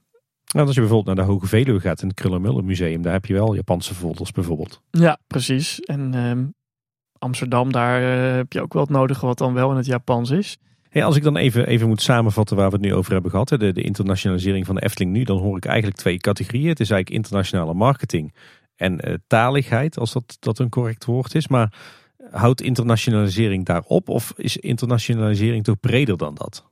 Nou, je kan internationalisering natuurlijk zo breed aanpakken als je zou willen. Je kunt er al over na gaan denken bij het ontwerpen van je attracties. Uh, of bij het uh, nadenken over welke thema's je zou willen presenteren. Je kunt het op het gebied van horeca, zou je dat kunnen aanpakken. En zo zijn er nog heel veel velden waarop je dat zou kunnen doen. Dat doet de Efteling nog niet zo heel erg. Dat hoeven ze misschien ook niet te doen. Hè. Een product is eigenlijk al natuurlijk is al gewoon een heel goed en kwaliteitsproduct snap ook dat aanpassingen stapje voor stapje gaan. Maar er zijn nog heel veel andere dingen die je zou kunnen doen als organisatie of als bedrijf die de Efteling op dit moment nog niet doet. Ja, je hebt het net over een, een internationaal thema. Uh, een andere recente attractie of eigenlijk een andere recente gebiedsontwikkeling is er natuurlijk wel een voorbeeld van. Kijken we naar, naar Max en Moritz en bij Krij Krumel en Vrouw Boltes Kuche. Daar is natuurlijk echt voor een thema en voor een verhaal gekozen wat vooral de Duitse markt aanspreekt. Ja, precies. Maar daar is wel misschien meer dat ze juist een thema kiezen wat een buitenlandse gast aanspreekt. Eh, dan dat ze echt alle buitenlandse gasten servicen. Want de Fransman spreekt het weer maar minder aan of een, eh, een Amerikaan. Zou het wat dat betreft, eh, dan gaan we een beetje armchair imagineren, maar zou het een, logische gedachte zijn dat als je als Efteling echt meer Chinese toeristen wil trekken, dat je dus ook een Chinees themadeel moet openen? Met een Chinese attractie gebaseerd op een Chinees volksverhaal? Nee, kijk, dat, dat, daarom zou, kun je ook bij Max en Moritz zeggen aan de ene kant, goh, leuk bedacht, hè? een Duits volksverhaal en, uh, dat trekt misschien heel veel Duitsers aan. Ik geloof niet dat dat zo direct gaat. Volgens mij komen bezoekers, maakt niet uit waar ze vandaan komen, die willen natuurlijk gewoon iets heel unieks en iets heel tofs beleven. Um, en een verhaal of een thema uit een andere cultuur pakken kan ook soms juist een beetje risicovol zijn. Hè? als ze een Chinees themadeel zouden openen, ja, de kritischste bezoekers komen dan uit China, want die gaan daar naar kijken met hun eigen blik. En als je dan een foutje maakt of dan iets uh, een beetje, nou ja, te cliché doet of misschien een beetje te stereotyperend, uh, dan kan het juist ook tegen je werken. Dus kan super leuk zijn. Het kan ook helpen om je in de kijker te spelen. Het is ook tegelijkertijd wel gevaarlijk. Het is wel leuk dat je dat aansnijdt, want er komen bij mij drie hele geslaagde Chinese themagebieden bovendrijven. Uh, we hebben natuurlijk in Fantasieland een groot Chinees themadeel, in Peridaisa uh, en ook in Ouwans Dierenpark. Alleen er staat mij bij dat in al die drie de gevallen dat echte Chinese ambachtslieden die themadelen hebben gebouwd. Dat is iets wat ik in de Efteling dan misschien minder snel zie gebeuren. Klopt. Wat die themadelen ook gemeen hebben is dat ze alle drie ook proberen echt China uit te beelden. Um, dus niet een sprookjesversie van China of een sprookjesversie van een Oosters land. Geen Orientalisme. Precies, en dat hebben ze dus eigenlijk alle drie heel goed gedaan. Uh, Paradijsa in mijn ogen het beste. Mm -hmm. En ze hebben inderdaad echt de tempels uh, laten bouwen door Chinese vaklieden. Ja, dan, dan sla je de plank natuurlijk niet snel mis. Nee. nee. Als we nog wat dieper gaan inzoomen op hoe de Efteling dan omgaat met internationalisering. Ik ben nou heel benieuwd van wat zijn dingen die de Efteling nu echt goed doet. Maar natuurlijk ook wat ze niet goed doen, dus waar ze nog wat kunnen leren of wat kunnen verbeteren. Nou, ik vind dat de Efteling, dus wat ik ook al zei, heel erg veel dingen goed doet. Ze hebben natuurlijk al een heel goed basisproduct. Dus daar ben je al een heel eind mee. Um, ze zijn heel consequent dus nu bezig um, met hun taalbeleid. Eh, en met, zorgen, met het eh, zorgen dat die internationale gast een gelijksoortige beleving heeft als de Nederlandse gast. Daar doen ze heel erg veel goed in. Ze doen ook een aantal dingen waarvan ik denk, is dat nou wel nodig dat je dat doet? Ehm, we hadden het net over die attractienamen. Hè? Kijk, internationalisering is altijd best wel een soort lastige balans tussen je een beetje aanpassen om je aantrekkelijker te maken voor de buitenlandse gast. Maar ook niet te veel, zodat je ook de relevantie voor je eigen eh, thuispubliek eh, behoudt. Ja. Die attractienamen, hè, de Efteling die heeft eh, de laatste tijd of de laatste tien jaar eigenlijk alleen maar een beetje van die fantasienamen bijna gebruikt. Ik vraag me af of je dat nou moet doen. Ik denk dat het voor een internationale bezoeker niet zo heel veel uitmaakt of iets ehm, spookslot, maar die is, dat, die is er niet meer. Maar en dan maken ze er spookslot van. Dat is een fantasiewoord voor hun. Symbolica of Aquanura is ook een fantasiewoord. Het is heel lief dat de Efteling daarover nadenkt. Hè, van is het makkelijk uit. Maar ik denk niet dat dat nou een heel groot verschil maakt. Sterker nog, ik denk als je te veel uh, van uh, Aquanura, Fabula, Fabula, Symbolica krijgt, dat, je het ook, nou, dat het ook een beetje uh, wat smaak verliest eigenlijk. Ik zit te denken, hoe, hoe doe ik dat zelf als ik in het buitenland ben? Maar ik vind het altijd juist leuk als het typische attractienamen in de taal van dat land zijn. En dat je een beetje mag gaan ontcijferen. Of nou ja, als je er niet uitkomt, kijk je gewoon naar het nummer op de plattegrond. En dan kom je er ook uit. Er zijn ook parken. Fantasieland is daar een voorbeeld van. Die juist ook er nu heel actief voor kiest om dingen Duitsstalig te doen. Qua attractienamen dan. Um, misschien ook een beetje om die eigenheid Fly. te benadrukken. Oh ja, Fly is geen goed voorbeeld hè. Rookburg, Rookburg. Ja, ik denk dat dat niet per se nodig is. Dat denk ik overigens ook over die Engelstalige zinnetjes die de baron er tussendoor spreekt. Of die, uh, oh jij punctueel er tussendoor spreekt. Dat klinkt misschien als, oh wat goed dat ze daaraan gedacht hebben. Maar uit onderzoek blijkt dat als jij naar een tekst luistert die voornamelijk in een andere taal wordt gesproken. En er komt ineens een zinnetje in een andere taal tussendoor die jij wel kan verstaan. Dan ben je al zo uitgezoomd of op een ander niveau aan het luisteren. Dan komt dat zinnetje helemaal niet per se binnen. Zeker niet als Engels dan ook al niet je moedertaal is. Hè? Als je daar als Duitser staat te luisteren. Of als Spanjaard. En dan zegt die baron ineens uh, iets met uh, white uh, women. Dan ben je al zo op een andere manier aan het luisteren naar zo'n tekst. Dan komt dat niet per se aan. Dus op zich aardig als ze dat doen. Maar dat is niet waar je het verschil maakt voor de internationale gast. Zeg jij dan van hou het gewoon Nederlands en hou het daarbij? Of zeg jij kies dan voor iets wat wij al vaker geopperd hebben. Voor gewoon volledige nasynchronisatie in de taal van die mensen? Precies, want de enige manier om echt iets toegankelijk te maken. Dat zit een, zo'n zinnetje hier en daar. Dat gaat het verschil niet maken. Nou, sterker nog, dat horen ze vaak niet eens. Nee, dan moet je het inderdaad echt op een volwaardige manier aanbieden. En ik denk dat daar de aller, allergrootste slag nog valt te slaan voor de Efteling. Uh, omdat ontzettend veel attracties, we noemen net al Villa Volta natuurlijk, maar ook al die sprookjes. Ja, het is toch best wel heel talen. De enige manier waarop je een buitenlandse bezoeker eenzelfde soort beleving kan geven, is toch een soort nasynchronisatie. Nou, zijn er geruchten dat ze dat daar echt wel mee bezig zijn in apps en zo. Maar volgens mij is dat nog uh, een heel grote slag die ze kunnen behalen. En, en een soort van ondertiteling, wat ze bij de bron natuurlijk ook voor een deel doen op die projectoren. Waar ze het op zich wel aardig in het thema hebben meegenomen. Dat is natuurlijk ook een optie. Je moet wel dus bedenken dat als Engels niet jouw moedertaal is, dat ondertiteling best wel lastig is. En dat gaat ook heel erg snel. Dus natuurlijk, het helpt. Uh, ik denk dat het niet de meest ideale optie is. En ik denk dat die meest ideale optie is zo'n app waarin je die spiels en die uh, sprookjes uh, gewoon in je eigen taal kan horen. Technisch is het mogelijk. Er zijn natuurlijk ook parken en allerlei musea en zo waar ze dat doen. En ik denk uh, dat dat echt een groot verschil gaat maken, ja. En ken jij het uit andere parken of andere plekken waar dan de, het verhaal in één taal loopt, maar dat je zelf naar een andere taal zit mee te luisteren? Ik vraag me namelijk af hoe goed in de praktijk dat dan gaat werken, omdat er al Nou, bij parken wordt. weet ik het eerlijk gezegd zo 1, 2, 3 niet. Uh, wel bij musea en bij andere grote uh, uh, toeristische attracties waar bijvoorbeeld rondleidingen zijn. Dan heb je wel eens dat er een gids het live in een taal vertelt. En dat jij het op je audiotour in de andere taal direct hoort. Of dat het centraal wordt uitgezonden in een taal. En dat je op je audiotour dat eh, gelijk eh, in je oor in je eigen taal hoort. Was dat vroeger niet al bij Honey I Shrunk the Audience? Ja, Dat Disney zomaar Parijs? kunnen, maar er zijn natuurlijk wel shows waar je zit. En dan, dit is bij Ravelijn gebeurt het ook. Maar dan zit je zeg maar, en dat is anders dan dat je rondloopt omdat er van alles om je heen gebeurt. En een verhaal het vertelt om je heen, omdat je hetzelfde ook nog op je oortje luistert. Dus ik denk dat het steeds makkelijker kan. Want je hebt steeds meer mensen met draadloze oortjes. Zoals jij Tim, je bent ook helemaal om hè. Zeker, met dank aan HEMA. En maar dan, eh, dan is de, de drempel om het te doen is veel lager. Zeg maar. Je hebt niet meer die kabel allemaal eh, rond. Shock, het is veel makkelijker om maar één oortje in te doen. Wat denk ik ook prima werkt voor die vertellingen. Is dit een ontwikkeling die je de laatste twee jaar ook heel erg ziet bij musea? Hè? Daar kreeg je natuurlijk heel vaak vroeger nog de audiotour. Kreeg je een groot kastje mee en daar zat nog zo'n ouderwetse koptelefoon bij uit 1980. De geluidskwaliteit was uit 1930 waarschijnlijk. Ja, precies. Soms wel passend. Maar de laatste twee jaar zie je dat steeds meer musea ook gewoon een app ontwikkelen. En zeggen, joh, eh, gebruik lekker je eigen oortjes. En heb je die niet, dan kan je bij ons nog wel een kastje halen of oortjes halen. Maar het werkt ook gewoon via een app.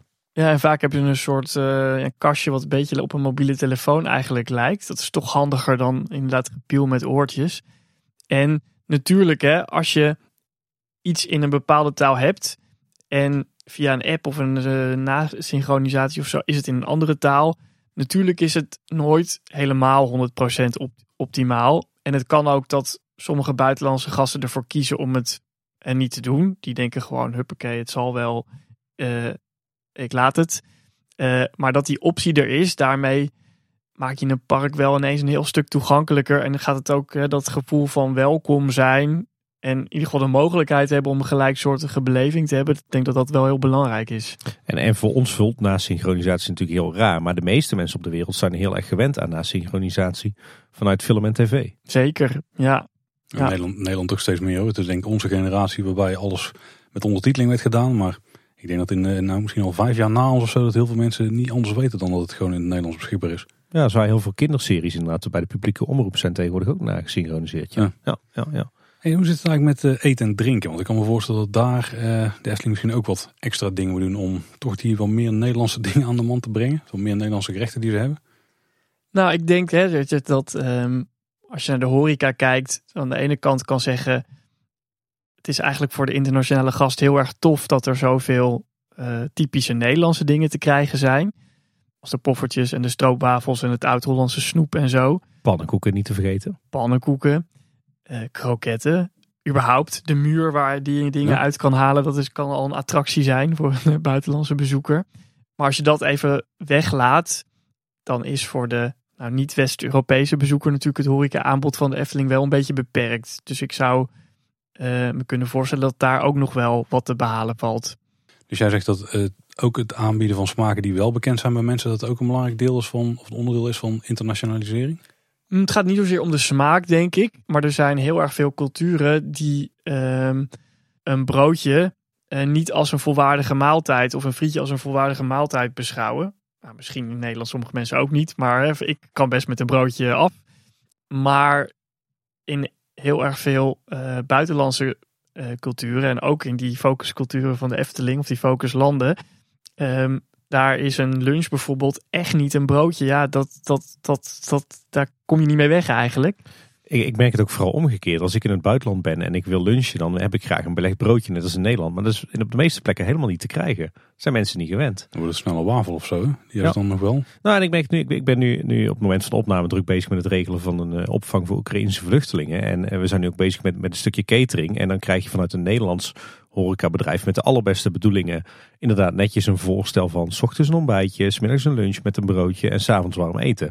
Maar leg je dat dan voor aan iemand van het Rode Kruis die zelf Oekraïens is, die zegt van ja maar dit lusten de mensen niet, want in Oekraïne eten we drie keer per dag warm met een maaltijdsoep en, eh, en dat is het dan. Dus ja, eh, eh, dat, dat is natuurlijk een andere setting en een andere situatie. Maar ik kan me best wel voorstellen dat dat, dat inderdaad vaak aan de hand is. Ja, zeker. Ik denk dat dat ook wel van met de Aziatische groepen waar ik de Efteling mee bezocht heb. Ik zei net, hè, die hebben altijd een super toffe ervaring.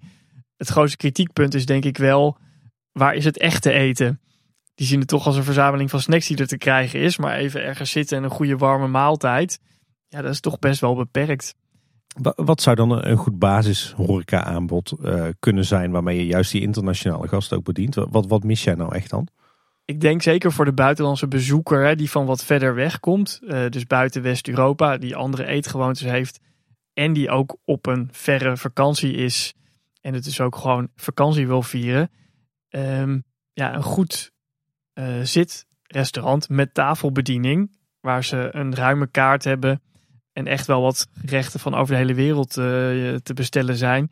Dat is er nu niet. Ik denk dat dat wel een gemis is. En ik denk dat heel veel buitenlandse bezoekers dat zouden waarderen. Ja, de enige plek waar je dat eigenlijk echt kunt krijgen nu is dan nog op de resorts. Bij de hotels en de resorts eigenlijk. Ja, maar als je een dagje bent, ja, dan kom je daar natuurlijk niet. Nee, nee, Goed, dus krijgen we er straks wel één, misschien twee bij.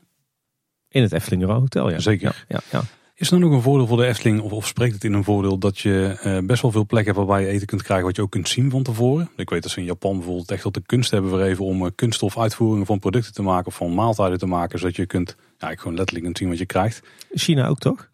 Ja, en sowieso op heel veel uh, menukaarten in uh, andere uh, landen is het gebruikelijk dat je van elk gerecht een foto hebt. Hè? Niet zoals bij ons dat het alleen geschreven staat. Nee, dat is het zeker. Dat is het zeker. Dus dat, dat doen ze. Dat is weer iets wat. Ik weet niet of ze dat bewust doen. Maar voor de internationale gasten is dat heel goed, ja. Ja, ik vind het zelf ook wel fijn. Het is soms ook wel raden wat er dan op zit. Zeker als je een broodje hebt. Ja, als, die, als daar tien ingrediënten in en rondomheen zitten. Ja, dan is dat daar nog wel even gissen. Ik denk ook voor de buitenlandse bezoekers. Je hebt natuurlijk wel wat iconografie ook nog daar rondomheen. Uh, ik weet niet hoe internationaal bestendig die is. Dus met glutenvrij of uh, vegetarisch icoontjes zijn natuurlijk vrij internationaal. Doen ze ook heel erg, uh, doen ze ook heel erg goed. Überhaupt uh, dingen met icoontjes en symbolen aangeven doen ze heel erg goed. Um, grappig genoeg, zo'n glutenvrij dingetje. Ik geloof niet dat ik nou ooit een uh, niet-Europeaan heb gehoord die, die op glutenvrij eten prijs stelt. Ja, er zit wel in. ik kan me ook niet herinneren. Nee. Waar ligt een beetje die balans tussen dat je in een ander land bent en daar wel van mee wil krijgen. Maar dat je toch ook wel een beetje aan je eigen comfort tegemoet wil komen van wat je kent. Dus wat je net al zegt, um, sommige mensen zijn echt gewend om wat uitgebreider te lunchen en al uh, meer, ja, bijna wat wij een avondmaaltijd zouden noemen dan te nuttigen. Maar aan de andere kant heb je ook wel die stroopwafel en het poffertje wat dan toch typisch Nederlands is en je op die manier mee wil krijgen. Ik hoor trouwens ook dat oliebollen heel populair zijn die je ja, ja, bij de Hollandse gebakraam kunt krijgen. Nou, nogmaals, het gaat bij internationalisering altijd een beetje om de balans. Dus um, je hoeft niet uh, 100% hetzelfde aan te bieden als wat die buitenlandse gast ook in zijn thuisland zou ervaren. Ze zijn ook op vakantie, het verwachtingspatroon is anders. Bovendien, heel veel dingen zijn ook wel charmant als dat anders gaat. En dat je dat voor alle gasten uit al die landen die er zijn 100% zou moeten proberen, ja, dat, dat, is, dat werkt ook gewoon niet en dat hoeft ook niet. Uh, maar je moet inderdaad wel een beetje die balans proberen uh, in de gaten te houden. En je wil dus wel gewoon een comfortabele ervaring bieden. En daar moet je dus een beetje in proberen te zoeken. En natuurlijk, hè, dat is elke keer weer opnieuw kijken waar komen mijn gasten vandaan. Op welke groepen focus ik me en wat hebben die dan nodig. Um, ja, en daar moet je elke keer een beetje mee spelen. En zeg jij dan, doe bij het witte paard naast de saté en de schnitzel ook eens een keer een, een, een noedelmaaltijd? Nou, ik vind het lastig daar zo heel concreet wat over te zeggen. Ik moet ook zeggen, hè, uh, als ik met Aziatische gasten ben en ik ze langs de Toko Pagode stuur, dan worden ze daar vaak ook niet heel blij van. Nee. Dus als je het doet, moet je het ook wel goed doen. Um, en ik weet niet of de, op het witte paard daar nou misschien helemaal de juiste plek voor is. Of je doet het helemaal goed en je biedt echt een, uh, nou, bijvoorbeeld een noedelma, iets, iets uh, Aziatisch aan. Of iets Mexicaans, dan is het echt heel goed. Of je doet dan niet en je doet het, je doet iets Nederlands of iets Europees, maar wel in een goede setting waarin mensen gewoon kunnen zitten, bediend worden, eten. Dat is dan dat comfort wat je biedt. En je hoeft dan niet 100% aan te bieden wat zij thuis ook zouden eten, denk ik. Nee, helder. Ik, was, ik wil nog even terugpakken op die, die, die uh, meertaligheid. Hè? Ja. Um, wat vind jij dan van de sprookjesboeken die nu in het Sprookjesbos staan, in, in vier talen bij ieder sprookje? Supergoed. Nee, dat, dat is dus echt heel erg fijn natuurlijk voor heel veel bezoekers. Nou is het zo dat Europese bezoekers die het Sprookjesbos bezoeken, die hebben dezelfde verhalencultuur als wij. Dus die weten ook al vaak een beetje wat meer over die sprookjes. En die hebben aan die paar zinnen die in die sprookjesboeken staan genoeg. Um, mensen die uit een niet-westerse cultuur eh, komen, die zijn vaak niet op dezelfde manier met die sprookjes en die verhalen opgegroeid als wij dat zijn. Daar moet je dus als je toch aan zo'n app gaat werken, uh, waarin je heel veel dingen vertaalt en waarin je um, um, probeert uh, meer buitenlandse bezoekers bij die verhalen te betrekken, zou je daar ook rekening mee moeten houden. En misschien moet je sommige sprookjes ook wat uitgebreider inspreken. Een rood kapje, wij hebben een paar zinnen genoeg.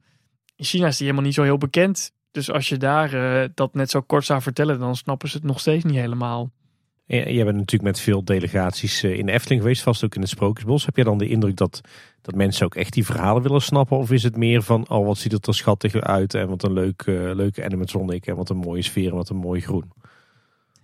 Ja, beide wel. Uh, ik denk um, dat inderdaad ook heel veel om de beleving überhaupt gaat. En om fotomomenten en om gewoon te genieten van de sfeer. Het is wel zo dat op het moment dat je ergens actief een verhaal in een andere taal uh, hoort verteld worden of op uh, tekst ziet, dan ben je natuurlijk wel nieuwsgierig naar wat er staat. En daarom ja, denk ik dat het goed is als daar meer mee gedaan wordt. En dan kan je nog steeds als buitenlandse bezoeker denken, ik doe het niet. Maar dan kan je in ieder geval die nieuwsgierigheid inlossen als die er is. Ik zou het zelf ook best wel interessant vinden om dan te ervaren hoe een, uh, een andere gast het ervaart. Ik zou denk ik serieus een rondje door het Sprookjesbos gaan doen. En dan bij alle um, sprookjes is dan meeluisteren in een andere taal. Om te ervaren hoe dat dan is. Ik denk dat voor de reguliere bezoekers zoals ons dat, dat best wel een, uh, weer een extra laagje in de Efteling ervaring zou kunnen, zou kunnen bieden. Oh, dat zou ik, eh, zou ik zeker ook doen inderdaad. Nou, ik ook ja. Lijkt me echt super leuk. Ja. Maar jij pleit er dus eigenlijk voor uh, synchroniseren dan niet alleen de sprookjes na die nu al een vertelling hebben. Maar doe misschien bij, ook bij alle andere sprookjes die geen vertelling hebben. spreek daar ook een verhaaltje in. Biedt in ieder geval meer context. Ja, zeker. Omdat ik wel denk dat er ook in de Efteling vaak wordt uitgegaan van al een bepaalde uh, kennisniveau. Hè? Zeker met die sprookjes. En dat is natuurlijk ook logisch. Heel veel dingen zijn natuurlijk gewoon um, gebouwd in een tijd dat er minder internationale bezoekers kwamen. Uh, en bovendien het hele denken in niet-westerse gasten, dat is vrij nieuw. En ik denk dat de Efteling misschien nog niet vaak genoeg realiseert dat voor heel veel niet-westerse bezoekers die sprookjes überhaupt helemaal nieuw zijn. Ja, als we nog even kijken naar internationalisering in algemene zin. Uh, op welke gebieden gaat de Efteling wat jou betreft nog niet ver genoeg? Nou, dat talige aspect, hè, en die, uh, dat hebben we nu denk ik wel afgekaart. Uh, hè, dus daar is echt nog veel te behalen. Um, een ander ding waarvan ik denk dat ze er ook nog wel wat beter over na zouden kunnen denken is als ze een nieuwe attractie gaan ontwikkelen of ontwerpen. Wat dat dan voor meerwaarde aan de buitenlandse gast geeft. En wat ik daarmee bedoel is, en wat ik net zei, voor veel, zeker bezoekers die van verder weg komen, is het vaak een beetje de keuze tussen ga ik naar het Rijksmuseum of ga ik naar de Efteling? Ga ik een dag van mijn Europa-reis, waar ik ook bijvoorbeeld Brussel zou kunnen bezoeken, ga ik die opofferen voor naar de Efteling te gaan? Nou, ik vind het antwoord natuurlijk altijd ja. Maar dat doen ze natuurlijk alleen als er echt een hele unieke ervaring tegenover staat. En die staat er voor een heel groot deel ook. Ik denk wel dat de Efteling soms bij nieuwe attracties misschien niet helemaal goed nadenkt over. En wat ze, voegt dat dan toe voor de buitenlandse bezoeker? Om maar even een beetje een scherpe mening te verkondigen misschien. Hè? Maar als ze te veel dingen à la Max en Moritz of uh, Speelbos Nest neerzet. Ik snap dat dat voor de Nederlandse bezoeker misschien dat ze daar wel over na hebben gedacht. Wat voegt dat aan hun dag toe? Ik denk dat de buitenlandse bezoeker daar vaak iets ziet wat ze in hun eigen land ook best wel gewoon kunnen ervaren. Met andere woorden, misschien net niet uniek genoeg. Dus die afweging maken van goh, wat we nu ontwerpen, gaat dat echt wel meerwaarde toevoegen aan de beleving van de buitenlandse gast? Volgens mij is dat ook nog wel iets waar ze nog wat meer mee zouden kunnen doen. Dus het moet uh, groot en meeslepend zijn eigenlijk ja, of een bepaalde uniciteit hebben. Het kan ook iets heel kleins zijn, maar als, als een buitenlandse bezoeker denkt: Oh, dat kan ik daar ervaren, maar niet ergens anders. Of oh, dat is misschien typisch Nederlands of typisch Brabants. Ja, dan is dat een factor om mee te wegen. En denk je: Oh, dan ga ik toch daar naartoe. Uh, maar als je te veel wat meer generieke dingen neerzet, ja, dan kan dat ook weer een beetje naar de andere kant doorslaan. Ik zeg niet dat dat nu aan de hand is, maar ik denk wel dat ze daarop moeten letten. Ja, misschien hebben we ook nog wel een onderscheid in de mensen die echt komen voor het pretpark aspect van het park. Terwijl anderen misschien meer komen voor ja, het culturele of het typisch Nederlandse deel van het Nou, ik denk meer dat mensen die voor het pretpark, uh, nou laten we zeggen, de, buitenland, de verre buitenlandse gast, behalve een aantal liefhebbers, die komen in principe niet, sowieso niet voor het pretpark element. Hè. Die komen eigenlijk echt voor de unieke beleving die het biedt. Want pretpark hebben ze in elk land natuurlijk. En dan moet die beleving dus ook echt uniek en onderscheidend zijn en, en blijven. En was er dan wat jou betreft een paar van die dingen die een goed voorbeeld zijn van hoe ze dat dan goed doen? Zeg maar wat dan die unieke beleving biedt voor een buitenlandse bezoeker? Nou, ik kan ook een heel simpel voorbeeld geven. We hadden het er net al over. Uh, het kinderspoor is verplaatst. Dat is in een beetje een Zaanse schandsetting. Dat is wel voor een buitenlandse bezoeker iets superleuks. Uh, met die molen die daar staat en zo. Ik vind dat ze dat heel goed hebben gekozen. Ik weet niet of dat destijds een bewuste keuze was. Uh, maar voor een buitenlandse bezoeker heeft dat echt wel heel veel meerwaarde. Een ander voorbeeld. Kijk, draaimolens hebben ze ook in elk land. Maar de manier waarop ze in de Efteling staan op zo'n oud-Hollands dorpsplein heel erg sfeervol met andere mini-attractietjes erbij en hollebolle en zo. Dat maakt het dan dat het heel veel meerwaarde heeft. Dat Anton Pieckplein is trouwens bij heel van de groepen waar ik mee ga altijd dus ook een favoriet. Dus het hoeft niet per se allemaal in heel groot en heel meeslepend te zijn. En het hoeft ook niet altijd allemaal precies heel oud-Hollands te zijn. Maar ik denk dat er nog wel wat vaker moet worden nagedacht. Goh, uh, hoe uniek is dit nu? En wat in dit wat wij nu hebben bedacht, lokt de buitenlandse bezoeker dan? Dus het zou goed kunnen dat als je een campagne uitzet in bijvoorbeeld China, dat een, een mooie foto van het Anton Pieckplein in de, een beetje de schemering met alle lampjes die, eh, die daar eh, branden en zo, dat hij het misschien beter doet dan waarschijnlijk de foto die ze gebruiken van een product voor een symbolica. Nou, dat is nou, dat zeg je nou echt helemaal goed. Dat is ook een ander ding, is dat uh, wat ik ook denk, wat ze nog beter zouden kunnen doen, is dat internationale marketing is nu eigenlijk gewoon de Nederlandse marketing, maar dan vertaald. Hm. Misschien zeg ik het nu wat gechargeerd door, misschien doen ze ook wel wat andere dingetjes. Maar volgens mij wordt er niet goed genoeg nagedacht over welke beelden ze buitenlandse bezoekers laten zien. En ik denk inderdaad, je zegt dat heel goed, dat een, uh, een foto van uh, het Antropiekplein uh, bij schemering of van een ander onderdeel, het kan zelfs van de bloemenpracht zijn, hè, met een attractie in de verte op de achtergrond. Dat dat een buitenlandse bezoeker eerder overtuigt dan een foto van de drop van de baron of zo. Is het ook zo dat uh, de Aziatische bezoeker bijvoorbeeld Nederland associeert met bloemenpracht en zo? Nou, ik denk dus niet alleen de Aziatische bezoeker. Ik denk dat de Amerikaanse bezoeker dat bijvoorbeeld ook doet. Um, en de Keukenhof is elk jaar maar een paar maanden uh, open. Maar die hebben echt waanzinnige bezoekerscijfers. Ja, die bloemen, die worden gewoon wereldwijd met Nederland geassocieerd. Dat willen mensen dus ook zien als ze naar Nederland komen. En dat kunnen ze in de keukenhof zien. Maar ja, dan ben je ook weer een dag aan kwijt. Uh, als je dat ook, weliswaar in kleinere vorm, in de Efteling kan ervaren. Ja, dan is dat wel een mooie combi die je als park kan bieden. Ja, dat is wel een beetje vanaf de afgelopen tijd. Nou ja, sinds dat corona voorbij is, eh, zien we natuurlijk wel weer steeds meer schalen en manden en bakken het ja, in worden gereden hè, met tulpen. Maar de glooiende waterkant, zeg maar, vol met bloemen, die, uh, die is verleden, tijd. tijd ja. Zeg Danny, zijn er nou ook voorbeelden waarin de, de Efteling voor jouw gevoel uh, te ver doorslaat in de internationalisering? Nou, ik vind het doorslaan nergens. Hè. Ik had het net al een beetje over dingen dat ik denk, nou, dat is misschien onnodig. Zoals die uh, attractienamen die dan ineens allemaal heel erg uh, Latijns worden en zo. Heel veel dingen die ze nu doen in het kader van nou, sociaal-maatschappelijke ontwikkeling in Nederland. Hè. Dus um, het vervangen van Monsieur Cannibal, de elfjes in Droomvlucht die ook een andere huidskleur hebben. Um, dat is en inspelen op een ontwikkeling in Nederland. Maar voor de internationale gasten is dat natuurlijk ook goed.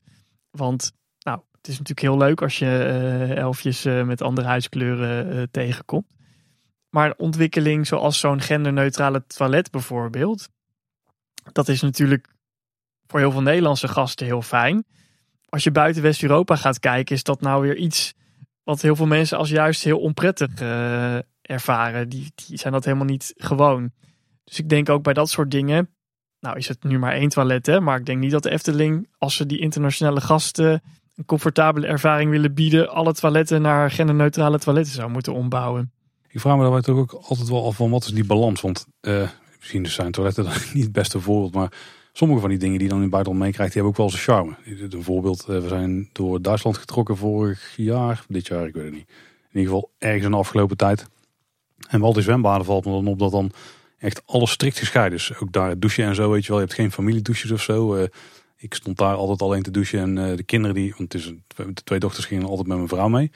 Had je even een momentje voor jezelf? Ja, ja zeker. En we zijn nu aan het oriënteren op Japan. En dan heb je ook van die uh, onsens, waar je ehm, lekker in het warm water kunt badderen. Ook vaak gescheiden en zo. Dus misschien nogmaals dit niet het beste voorbeeld, maar dat soort dingen hebben dan ook wel een charme. Omdat ze juist daar op die manier zo werken. Ja, zeker. Dus en nogmaals, ik denk dat, dat je ook echt niet alles hoeft aan te passen. Heel veel dingen hebben inderdaad ook zijn charme. En dat hoort ook bij in het buitenland zijn dat je dingen tegenkomt die je niet kent. En uh, waarvan je denkt, oh, wat apart.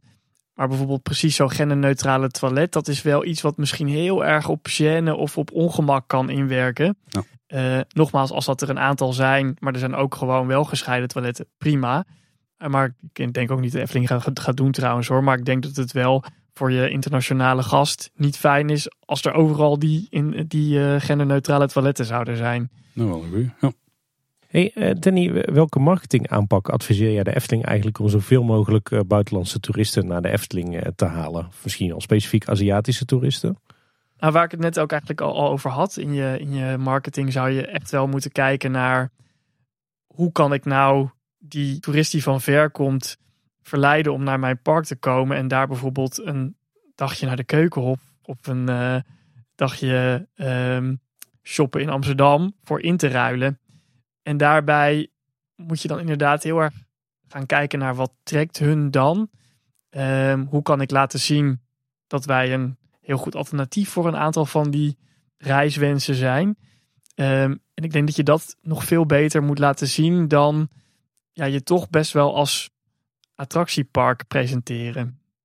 En, waar, en op welk punt denk je dat de Efteling dat dan moet doen? Want ik weet dat ze vrij actief adverteren in Amsterdam, ook op eh, de rondvaartboten en zo, die daar eh, door de grachten gaan en op bussen, maar ook gewoon op uh, alle plekken, Tim de Abris en dat soort dingen. ja, zeker. En, ja, en je komt de Efteling ook vaak op Schiphol tegen. Hè? Ook nog eens, ja. Niks zo leuk als naar, uh, naar buitenlandvakantie op de bus stappen naar P3 en dat je op dat enorme ledscherm ineens de Efteling voorbij Oh ja, dan ben je al een beetje thuis gelijk. Heerlijk, ja. Maar dat is natuurlijk al op het moment dat ze voet aan wal hebben. In Nederland in ieder geval. Of zeg je van het is beter om naar het land zelf toe te gaan en dan daar de mensen al warm te maken? Ja, dat laatste eigenlijk. Omdat heel vaak de meeste mensen in ieder geval plannen de reis toch al best wel uh, van tevoren. Um, en zeker, we hebben het nu over individuele reizigers, maar er zijn natuurlijk ook heel veel mensen die in groepen naar hier komen. Dan heb je vaak zelf niet eens helemaal in de hand hoe de reis eruit ziet. Dus dat moet eigenlijk al gebeuren uh, in het land uh, waar de bezoeker vandaan komt. Ja. Maar dan ben je misschien ook in contact met de reisorganisaties daar? Precies, en dat is dus ook een reden waarom die Efteling hè, op, op internationale beurzen staat en met buitenlandse tour operators en agenten um, samenwerkt. Want die proberen natuurlijk de Efteling in, dat, in van die groepsreisprogramma's uh, te krijgen. Maar ook dan moeten ze dat doen met die buitenlandse agenten, uh, ja, zeg maar, verleiden om, om zo'n dagje Amsterdam of Keukenhof in te wisselen voor de Efteling. En dan moet je dus ook heel erg gaan kijken van hoe kan ik dat doen. Nou ja, bij Chinezen zou dat inderdaad uh, zijn door andere aspecten van het park te laten zien. En dus inderdaad misschien niet per se uh, foto's van achtbanen of wat Efteling ook heel vaak doet, best wel een beetje abstracte beelden van magie uh, laten zien. waardoor je eigenlijk niet zo goed weet wat het is. En we hebben, zijn natuurlijk ook campagnes geweest dat je vooral uh, heel veel snelle beelden zag van gezichten en van ogen en van dat soort dingen. En nou, omdat wij, en zeker in West-Europa, ook een bepaald gevoel voor magie hebben, kwam daar wel een bepaald gevoel mee over. Maar voor een Aziatische toerist komt dat gevoel daar misschien helemaal niet bij. Ik weet exact welke commercial bedoelt. En dat vind ik nog steeds een van de mooiste die we ooit hebben gemaakt. maar, maar eigenlijk die, al die dronebeelden van de Efteling uit coronatijd, die zijn al veel geschikter voor de internationale markt. Zeker, ja. Dat waren ook hele mooie beelden, ja. Ja, ja, ja. Eh, zou de Efteling ook meer uh, de, de influencers in die landen moeten gaan uh, bespelen? Dat doen ze ook, hè. Dus uh, er worden ook met enige regelmaat influencers uitgenodigd. Er zijn allerlei ja, vloggers uit allerlei Aziatische landen ook uh, langs geweest. Oh, serieus? Dat heb ik helemaal gemist. Ja, ik heb, uh, ik heb heel veel um, vlogs gezien van Aziatische influencers die in de Efteling zijn. Nee, dus dat gebeurt wel degelijk. Oh, ja. Wat leuk, wat goed. En eh, als jij, hè, stel jij was de marketingman van de Efteling, wat zou wat jij, jou betreft dan kernachtig uh, de reden moeten zijn waarom eh, bijvoorbeeld Chinese toeristen naar de Efteling moeten. Ja, ik zou niet eens zeggen Nederland in een notendop. Ik zou echt zeggen de West-Europese verhalencultuur in een notendop. Ehm, ik denk dat dat de hoofdboodschap zou zijn.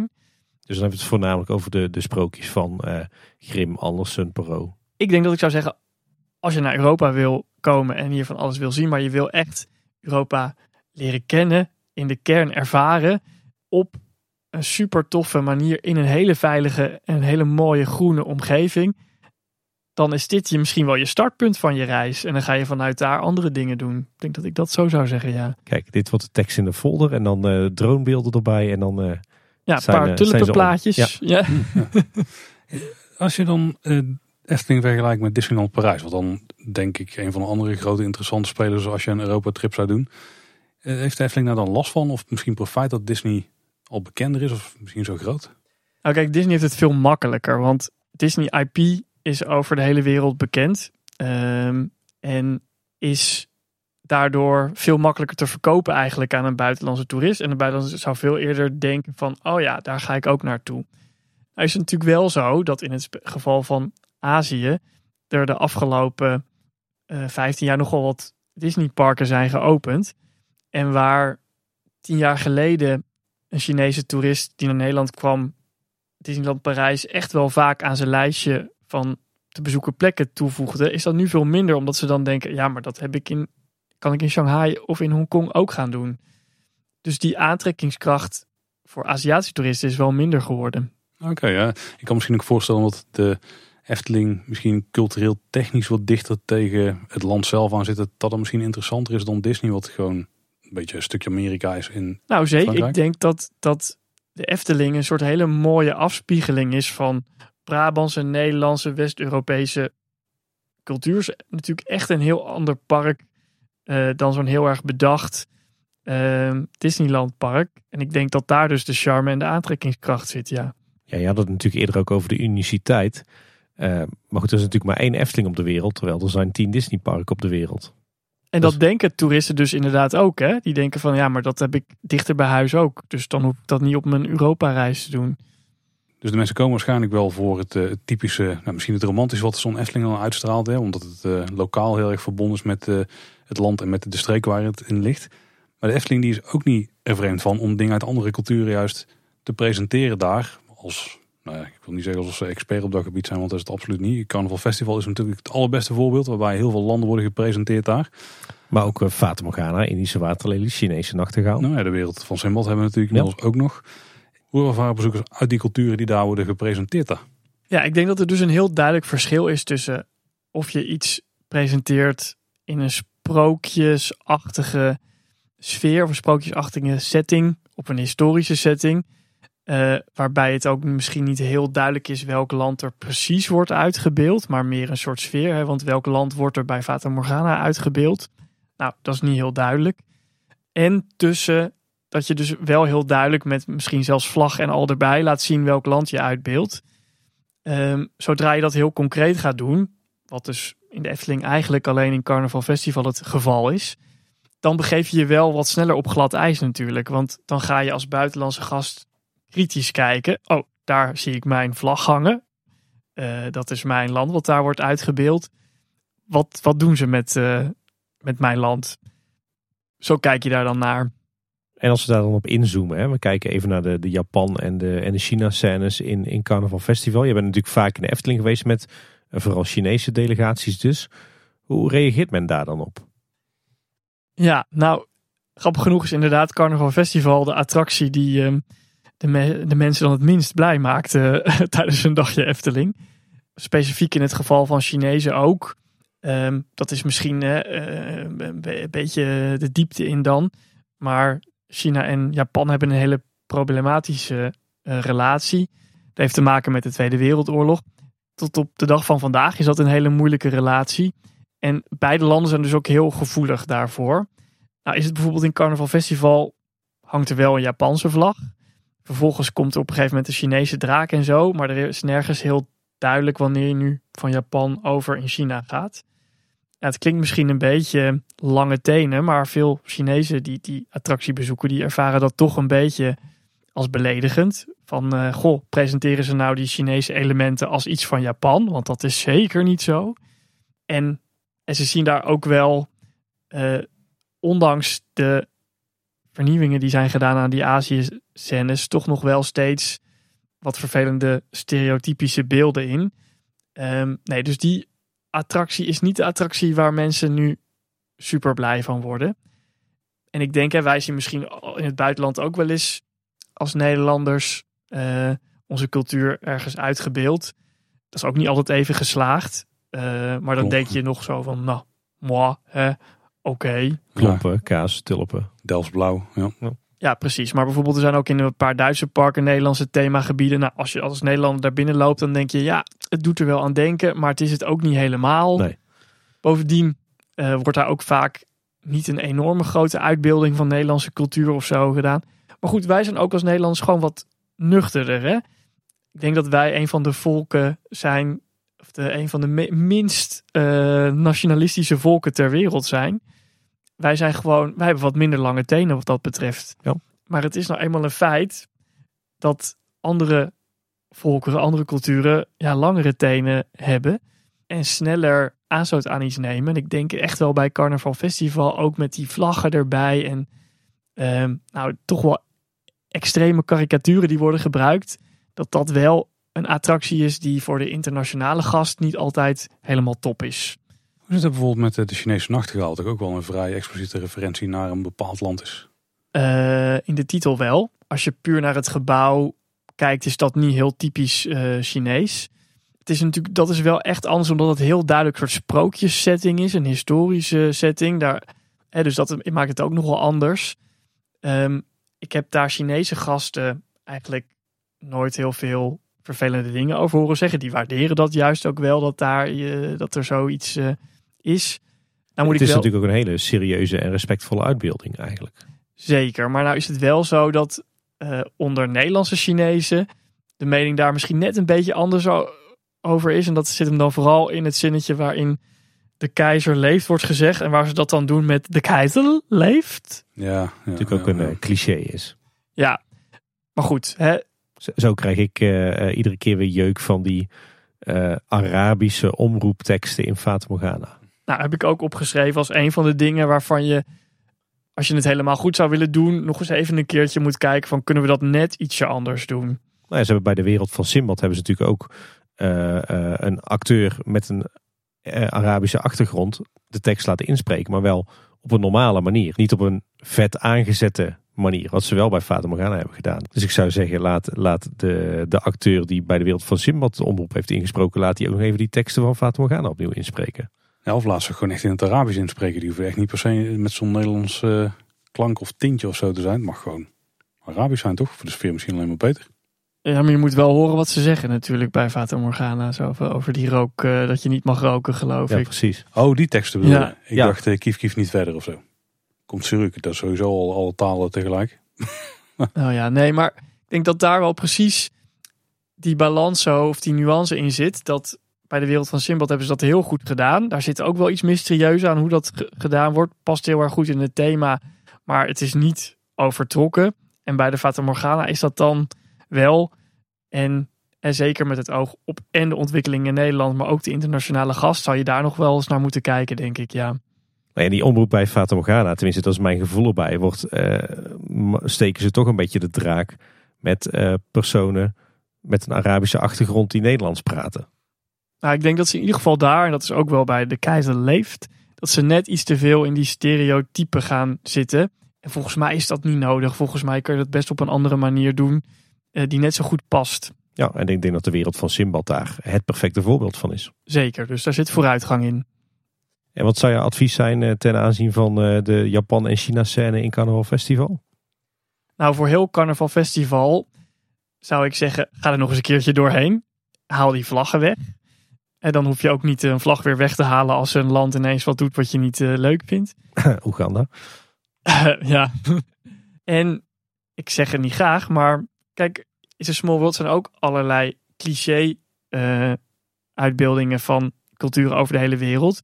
Maar die gaan nergens de grens over. Die worden nergens een beetje beledigend. En met die blik zouden ze ook Carnaval Festival nog wel eens een keertje doorheen kunnen lopen. Iets wat ze eigenlijk in de Afrika-scène best goed gedaan, best goed gedaan hebben. Die, die voelt helemaal niet meer karikaturaal. Uh, Nee. Maar inderdaad een aantal andere scènes in Carnaval Festival des te meer, denk ik. Ja, daar kunnen ze nog een keertje doorheen, denk ik. Is het reis rond de wereld concept wel iets wat de buitenlandse bezoeker aanspreekt? Of uh, denken ze daar van tevoren al van, van oh jee, daar gaan we met, mij, met mijn cultuur. Daar komen ze allemaal aan. Dat moet ik niet hebben. Nou, ik denk dat op zich dat een heel leuk concept is. Ik denk wel dat hè, als je ervoor kiest om een heel select clubje landen uit te beelden, zoals dat in Carnaval Festival gebeurt, dat je dan ook veel mensen hebt die hun land niet terugzien. Ook dat doen ze in It's a Small World natuurlijk wel ietsje beter. Het is natuurlijk eh, Carnaval Festival nog echt uit de tijd dat iedereen in Nederland vrij wereldvreemd was. Op een select clubje na. Daar is zo wel aan af te zien. Hè? Ja, nee, want in It's a Small World komt inderdaad gewoon het, de, ieder continent voorbij. En Fata Morgana, dat is natuurlijk ook een lastig verhaal. Ehm, heb jij daar enig zicht op eh, hoe dat, eh, dat ligt bij mensen met een Arabische achtergrond? Nou, ik denk echt wel hè, dat, kijk, buitenlandse bezoekers, ehm, die kunnen best wel gevoelig zijn ten opzichte van dingen van, die over hun eigen cultuur gaan. Maar ze kunnen allemaal echt wel het onderscheid maken tussen iets wat heel erg in een sprookjesachtige, historische setting ligt. En waar dus ook niet heel precies op te plakken valt. Dit is, deze, dit is dit land of deze stad. En dingen waar dat wel zo is. Ik denk daarom dat dingen als Fata Morgana, maar ook de Chinese nachtegaal niet problematisch zijn. Ik denk dat het echt zit in wanneer je gaat zeggen dat is dit land. Ja, of wanneer je culturen gaat eh, eh, belachelijk maken. Precies. Ja. Ja. Misschien moet je het ook de Aziatische nachtegaal noemen. Misschien dat het al beter op zijn plek is. Daar. Al is het daar geen issue. Nee, nee, nee, dat is precies, dat is, nee, dat is daar geen issue. Nee, nee. Ik ben wel benieuwd. We hebben het eh, nu net al even gehad over jouw ervaringen met op pad zijn in de Efteling met, eh, met eh, Chinese bezoekers. Hè, met name hun ervaringen in Carnaval Festival dan. Maar ik, ik ben ook wel benieuwd naar het, het, het algehele plaatje. Wat, zijn nou jouw ervaringen met op pad zijn met niet-westerse toeristen of Chinezen tijdens een dagje Efteling? Hoe, maken zij dat park nu mee? Hoe beleven ze dat? Wat zijn hun ervaringen? Wat zijn hun reacties? Nou, zoals ik ook al eerder zei, over het algemeen ontzettend positief. Vaak zijn ze ook, de meeste mensen kennen natuurlijk de Efteling niet voordat ze er gaan. En zijn ze dus echt heel erg onder de indruk en echt heel erg verrast. Dat groene karakter, dat speelt dus een heel grote rol daarin. Ik denk dat het voor heel veel mensen in hun trip echt een soort hele leuke en positieve verrassing is. En ik vind dus echt niks leukers dan met buitenlandse bezoekers door de Efteling trekken. En dan beleef ik het elke keer ook weer een klein beetje opnieuw. Ja. Dat is echt tip voor iedereen. Ga gewoon een keer nodig een buitenlandse vriend uit. Ga er met een Efteling. En nou, ga daar dan gewoon eens meelopen en kijken wat die opvalt en zo. Wat mij bijvoorbeeld altijd enorm eh, opvalt en wat ik dus heel erg leuk vind, is dat eh, Chinese bezoekers dus op de een of andere manier het volk van Laaf altijd ontzettend leuk vinden. Wat grappig. Goede smaak ook. Ja, vind ik zelf wel, vind ik ook. ja, die, die worden daar altijd enorm door eh, aangetrokken. Eh, misschien eh, omdat het voor hen ook een soort verhaal is wat heel eenvoudig te begrijpen is. Echt één dorpje, daar woont een bepaalde eh, bewonersgroep in. En die zie je in hun dagelijks leven en zo. Misschien dat dat iets is wat ze heel erg aanspreekt. Ik vind het ook lastig de, de vinger op te leggen. Maar dat is dus altijd een enorme hit. Als ik ook vraag van, goh, wat heb je nou, wat vond je het leukst? Dan komt heel vaak het volk van Laaf boven. Dus met buitenlandse bezoekers heb je altijd iets onverwachts. Ik denk dat het dat ook heel leuk maakt om dat te doen. Dus allemaal doen. Ik moet dan ook afvragen. Je geeft net de tip van nodig een buitenlandse vriend uit. Neem mee naar de Efteling. Als jij met een groep eh, Chinese gasten naar de Efteling gaat. Wat is dan de route die jij door het park heen neemt? Ja, wat ik ze eigenlijk. Ik heb niet altijd precies een vaste route. En soms wordt je route ook een beetje bepaald door de wensen van de eh, mensen. Dus, eh, soms willen ze gelijk al het winkeltje in, eh, de Efteldingen in. En dan zijn we daar heel veel tijd kwijt. En dan denk ik, nee, dat moeten we op het laatst doen, jongens. Maar ik probeer ze natuurlijk gelijk heel enthousiast te maken. Want eerste indrukken zijn heel belangrijk. Dus ik neem ze altijd over de Pardoespromenade mee. Dan naar het Anton Pieckplein. Dat vinden ze altijd heel erg leuk. Dan krijgen ze daar wat snackjes en wat eh, dingetjes. Ehm, en op een gegeven moment probeer ik ze dan ook los te laten. En dat klinkt een beetje raar van loslaten. Maar voor heel veel gasten, zeker voor Aziatische gasten die ook heel erg gewend zijn dat er heel erg op ze gelet wordt en dat ze zich in groepen voortbewegen en zo, is dat ze dan ineens hup gewoon overal kunnen gaan waar ze willen. En dat ze op een bepaald moment uh, zeggen, nou dan wacht ik daar weer op jullie. Dat is dan altijd eventjes wennen.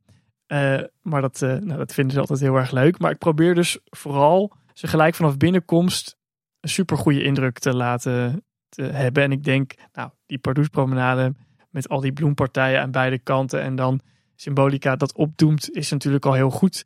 Dan het Anton Pieckplein en het Volk van Laaf en dan al de Oud-Hollandse dingen daar in de buurt. Ja, dan zijn ze eigenlijk al wel om. Ja, dat is wel interessant. Dat als je namelijk een uh, groep Amerikanen zou meenemen, kan ik me voorstellen dat je misschien eerder richting Ruigrijk of zo zou gaan. Want dat is dan toch die achtbanen, wat een beetje is wat ze kennen. Maar dan worden ze pas later in de dag echt ondergedompeld in het Eftelings. Wat dan toch misschien meer aan de, de, andere kant van het park ligt. Ja, en ik denk misschien dat Amerikanen ook gewoon wel net iets meer dan de gemiddelde Aziat een thrillseeker is. Ja. ja. Ja, alhoewel als je die, al die Amerikaanse vlogs kijkt, dan gaan die toch vaak ook heel erg lekker op een sprookjesbos, een symbolica. Ja, Ruigrijk zit dan ook meer in de route bij mij vaak vooraan. Omdat als je alles wil doen in het park en je hebt maar beperkte tijd. Dus dat is waarschijnlijk wel de handigste plek om te beginnen als je in ieder geval vroeg in het park bent. Dus dat helpt daarbij ook wel mee. Als ik met groepen buitenlandse gasten in de Efteling ben, dat ik ook altijd een beetje het idee loslaat van zoveel mogelijk uh, willen doen. Of ze zoveel mogelijk attracties willen laten doen. Ze komen dan, ze komen ook voor de attracties, maar ook natuurlijk gewoon voor de hele beleving. Uh, en als daar heel uitgebreid winkelen bij hoort, of heel veel foto's maken, of uh, heel veel snacks eten, dan vind ik dat natuurlijk ook helemaal prima. Dus vaak gebeurt er ook niet eens zo heel veel attracties op een dag. Nee. Wat zijn naast het, uh, het Anton Pieckplein en het Lavelaar nou, nou verder nog de succesnummers tijdens jouw bezoekjes met, met Chinese delegaties? Ja, het Carouselpaleis, de Carousel. Oh, ja. Omdat, ja, dat is ook natuurlijk echt wel een historisch ding. Dat zie je ook. Uh, dat vinden ze echt heel erg uh, mooi. Ja, en natuurlijk ook het Sprookjesbos. En nog reacties die jou uh, echt verrassen? Dat je zegt van nou, dat, dat zag ik echt niet aankomen. Ik vind dus elke keer de reacties op die automatiek ook heel grappig. En uh, ik heb ook al een paar keer gehad dat ze dan betaalden, een deurtje opendeden. Dan dachten, oh, ik zie daar net toch net iets grotere kroket daarboven liggen. En dan het deurtje weer dicht. En dat dacht, dan kan ik weer een volgende deur. Maar dat kan dus niet. Dan moet je opnieuw betalen. Dat soort dingen. Uh, een muntpoepende ezel. Uh, dat vinden dus, en voor ons is dat inmiddels zo gewoon. Maar nou, dat vinden ze dan waanzinnig grappig. Buitengewoon grappig. En dat vind ik dan weer grappig. Maar dat soort dingen, uh, daar reageren ze dan heel groots op, ja. En Hollebol Gijs? Oh ja, dat is ook echt, ja, dat is ook inderdaad altijd een succes. Ja, ja terwijl het heel simpel eigenlijk is. En toch is dat elke keer een succes, ja. En een zeemermin in een sprookjesbos, doet dan nog iets? Ja, ja, zeker. Maar dat heb ik dan wel weer meer met, met groepen uit bijvoorbeeld India of Indonesië. Dat ze daar wel een beetje van schrikken. Tegelijkertijd denk ik daarbij, uh, Nederland heeft in de wereld ook een bepaald beeld. Hè, een bepaald beeld. ja, ja, ik snap wat je bedoelt. Ja. Ze, ze, verwachten dat ook een klein beetje bij Nederland wel. Ja, ah, oké. Okay. Ja, Danny had net wel een interessant punt aan, vond ik. Daar wil ik nog wel iets meer over weten. Het ging over het ontwerpproces van de Efteling. En toen zei je dat je het idee had dat ze nog niet vanaf het begin meteen meenemen dat er ook buitenlandse bezoekers misschien mee aangetrokken moeten worden. Maar stel ze doen dat wel. Hoe zouden ze dan mee moeten nemen en hoe zouden dan uh, zich kunnen uiten in zo'n proces? Of in dit resultaat misschien? Ik zou denken uh, dat je bij alle attracties die je gaat ontwerpen, alle toevoegingen die je gaat doen, um, dat je een bepaalde een bepaald concept of een bepaalde versie van wat je in je hoofd hebt voorlegt aan bezoekers. Misschien aan Nederlandse bezoekers, ook aan buitenlandse bezoekers. Bij buitenlandse bezoekers zou ik dus echt wel specifiek vragen: wat zou dit toevoegen aan jouw trip? Voegt dit iets toe aan je trip? Overigens zou ik ook, als je weer een attractie gaat doen met een bepaald cultureel thema, niet alleen misschien nog een specialist uh, uh, vragen. Dat doen ze tegenwoordig uh, wel, heb ik begrepen. Maar ook nog wel eens aan een, aan een groepje bezoekers uit dat land van goh, dit is wat we voor ogen hebben. Um, hoe kijk jij hier naar? Ik denk dat dat gaat leiden tot betere, misschien nog scherpere ontwerpen die ook nog breder geapprecieerd worden. Zou ook goede input zijn voor onze nieuwsaflevering als die informatie dan ook weer bij ons komt in. Zeker. Ik vind, het wel interessant, want bij de, de, de wereld van Simbad hebben ze natuurlijk contact gezocht met een, uh, een hoogleraar in uh, volgens mij het Arabisme, zeg ik even uit mijn hoofd. Maar eigenlijk zeg je dus van nee, laat gewoon uh, wat Arabische mensen meedenken. Ja, zeker. Omdat nou, ik ben zelf natuurlijk ook eh, China-specialist. Ik kan heel veel dingen over China vertellen. Ik ben geen Chinees. Ik kan dus niet weten hoe een Chinees iets zou beleven. En ik denk dat dat in dat geval van mensen uit de Arabische wereld ook zo is. Ehm, ik zou me best afvragen hoe een groep uit de Arabische, maakt even niet uit welk land, nu Kasbah binnenloopt bijvoorbeeld. Wat zien zij dan? Wat valt ze op? Uh, vinden ze dat juist leuk of niet? Ik ben daar zelf wel, ik, ja, ik zou daar benieuwd naar zijn. Ook als, zeker als Efteling dus ook. Ik zou daar dus benieuwd naar zijn als Efteling. Om te kijken of je ontwerpen nou ja, kloppen. Of ze niet misschien bepaalde gevoeligheden raken. Maar ook of te kijken of je ontwerpen mensen aantrekken om een keuze te maken om naar de Efteling te gaan. Ja, vooral de laatste kan ik me voorstellen dat uh, veel meerwaarde heeft. Want daar zijn de mensen die uiteindelijk wel de portemonnee moeten trekken om richting de Efteling te komen. En een specialist op een bepaald gebied, ja, die kan misschien nog net bedenken of dat het aanstootgevend is of net wat dan ook.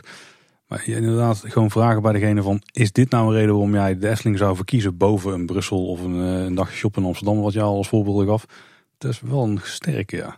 En als we het je even voor de vuist wegvragen van wat zou nou echt een, een attractietype of een thema zijn wat echt succesvol zou zijn bij buitenlandse bezoekers? Je mag zomaar wat uit, uit de mouw schudden hoor. Want ja. je we confronteren jou ook nou met een hele lastige vraag. Ik ga zeker zo wat uit de mouw schudden. Um, een bepaald attractietype vind ik moeilijk uh, om te noemen. Maar als zij, wat ze nu ook al wel vaak doen van die uh, werelden creëren. Een echte hele immersieve belevingswereld. Die ook nog heel erg goed past binnen wat de Efteling nu al is. Ik denk dat dat heel aantrekkelijk zou kunnen zijn. Omdat dat dan juist appelleert aan al die dingen waar die buitenlandse gast al voor naar de Efteling komt. Misschien dat Huiverwoud die boxes wel allemaal afvinkt? Ik hoop het. Ik hoop het. Dus echt inderdaad vooral doorgaan met die hele integrale gebiedsontwikkelingen. Ja, precies. Oké. Okay. Dan is het nu tijd voor, uh, voor onze uitsmijters. We weten inmiddels dat ze in het uh, Engels de rapid fire questions uh, heten. Alhoewel right. dat toch right. altijd aan wat oorlogsvoering doet denken. Maar wat zijn uitsmijters in het Mandarijn? Is dan ook het mooiste als hij dan nog... en, en, ook uitsmijter ja. betekent. Ja, nou, ik moet even over die vertaling nadenken. Hoe ik die nou zo heel mooi dubbelzinnig. Ik ga het voorlopig even gewoon Tien Tan noemen. En welke vertaal... Welke... Uitsmijter. Dan is het gewoon echt het, ei, het, ja, het eiergerecht. Oké. Okay. Kan ook een bouncer zijn natuurlijk. Ook een oh ja, dat zou ook nog kunnen. Wat te veel betekenissen. Ja. ja. Nou goed, uh, laten we het maar bij uit, uitsmijters houden voor nu dan. Uh, want de Chinese vertaling ben ik alweer vergeten inmiddels. Um, ja, allereerst, wat betekent de Efteling voor jou? Wat ik al eerder vertel, ik ben al zo lang liefhebber. Ik kan me eigenlijk geen leven zonder de Efteling voorstellen. Ik bedoel niet dat ik nu ter plekke neer zou storten als de Efteling er niet uh, zou zijn. Maar ik kan me het gewoon bijna niet voorstellen. Uh, het is zo verweven met mijn leven, met mijn belevingswereld. Uh, met waar ik aan denk af en toe en zo. Voor wat ik leuk vind om bij te houden. Ik kan me gewoon echt niet voorstellen dat het er niet is. Het is een constante stabiele factor eigenlijk. Ja, ik vraag me wel af, is zeg maar jouw twee grote passies zijn, even heel erg platgeslagen natuurlijk voor zover wij jou kennen, uh, de Efteling en China. Is de Chinese nachtegaal dan ook de plek in de Efteling waar alles samenkomt voor jou? nee, nee, nee. Want mijn favoriete plek in de Efteling is niet de, de Chinese nachtegaal. Maar als de Efteling ooit een Chinees themagebied zou doen op een Chinese attractie, dan zou ik dat natuurlijk wel heel tof vinden. Vind ik natuurlijk ook wel dat ze eerst even bij mij moeten checken of ze dat dan allemaal helemaal goed doen. Uh, nee, dat zou ik wel heel leuk vinden, ja. En dan pakken we gelijk door. Wat is dan wel jouw favoriete plekje in de Efteling? Ja, nou, wat mijn favoriete plekje was, maar ja, dat is er niet meer, was het uh, Witte Walvisplein. Ik vond dat zo'n super sfeervol, lommerrijk plein met die kleine ruitjes van de Witte Walvis. Dat vond ik echt heel erg mooi. Ik snap heus wel dat de Efteling dat niet langer in stand kon houden. Dus rationeel snap ik dat wel. Maar de liefhebber in mij heeft nog altijd ergens in zijn achterhoofd een soort achterkamertje die je toch de Efteling een beetje kwalijk neemt. Dat ze niet wat meer de best hadden gedaan om dat iconische spookslotgebouw eh, in stand te houden. Dat was mijn favoriete plekje. Nu is het, ehm, denk ik, het Lavelaar. En dan in de herfst. Sowieso in de herfst alles, hè? Hele goede keuze. Ja, zeker. Heb je ook een mooiste Efteling herinnering? Nee, ik heb geen mooiste Efteling herinnering, omdat het er heel veel zijn. Maar ik heb natuurlijk ontzettend veel leuke momenten in de Efteling meegemaakt. Nog steeds eigenlijk eh, elke keer.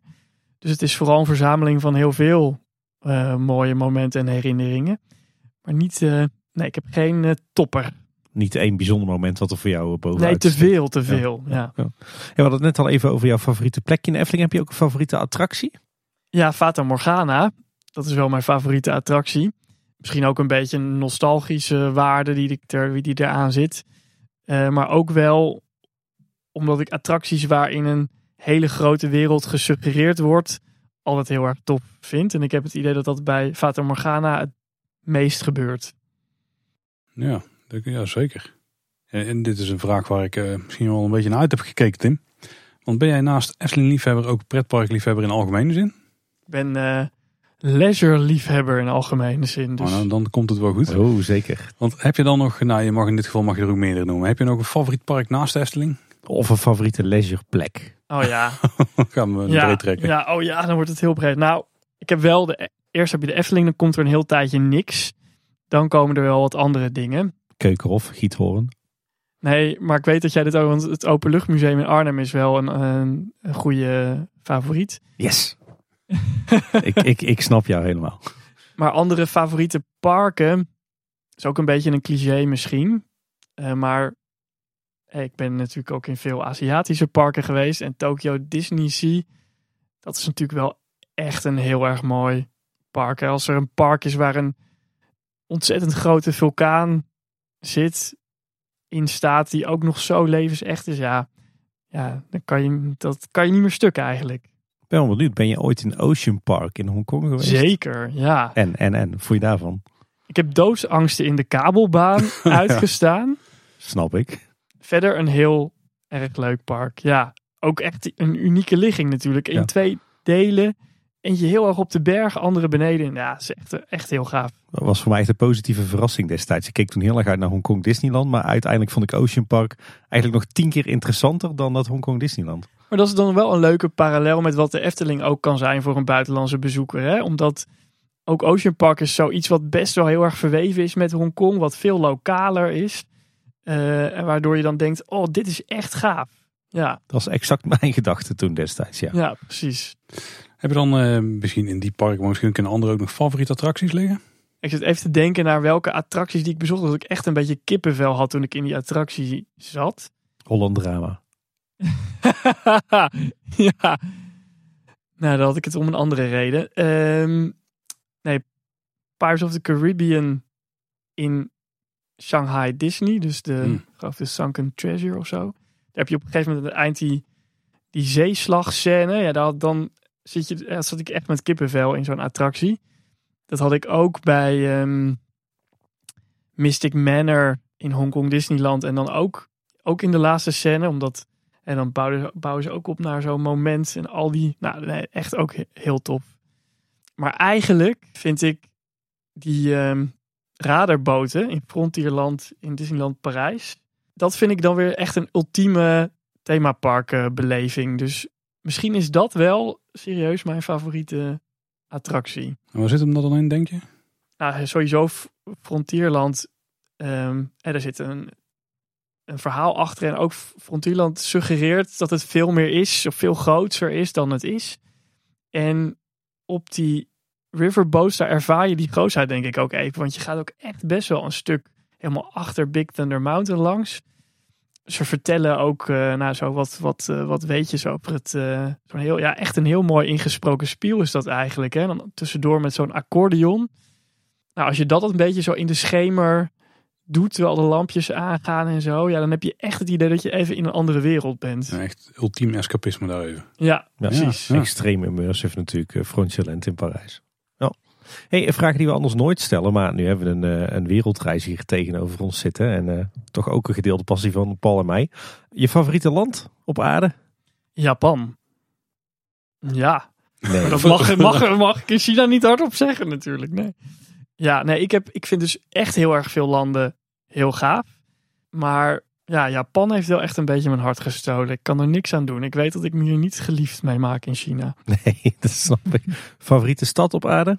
Maar ik denk Stockholm. Het is punten scoren. Zo.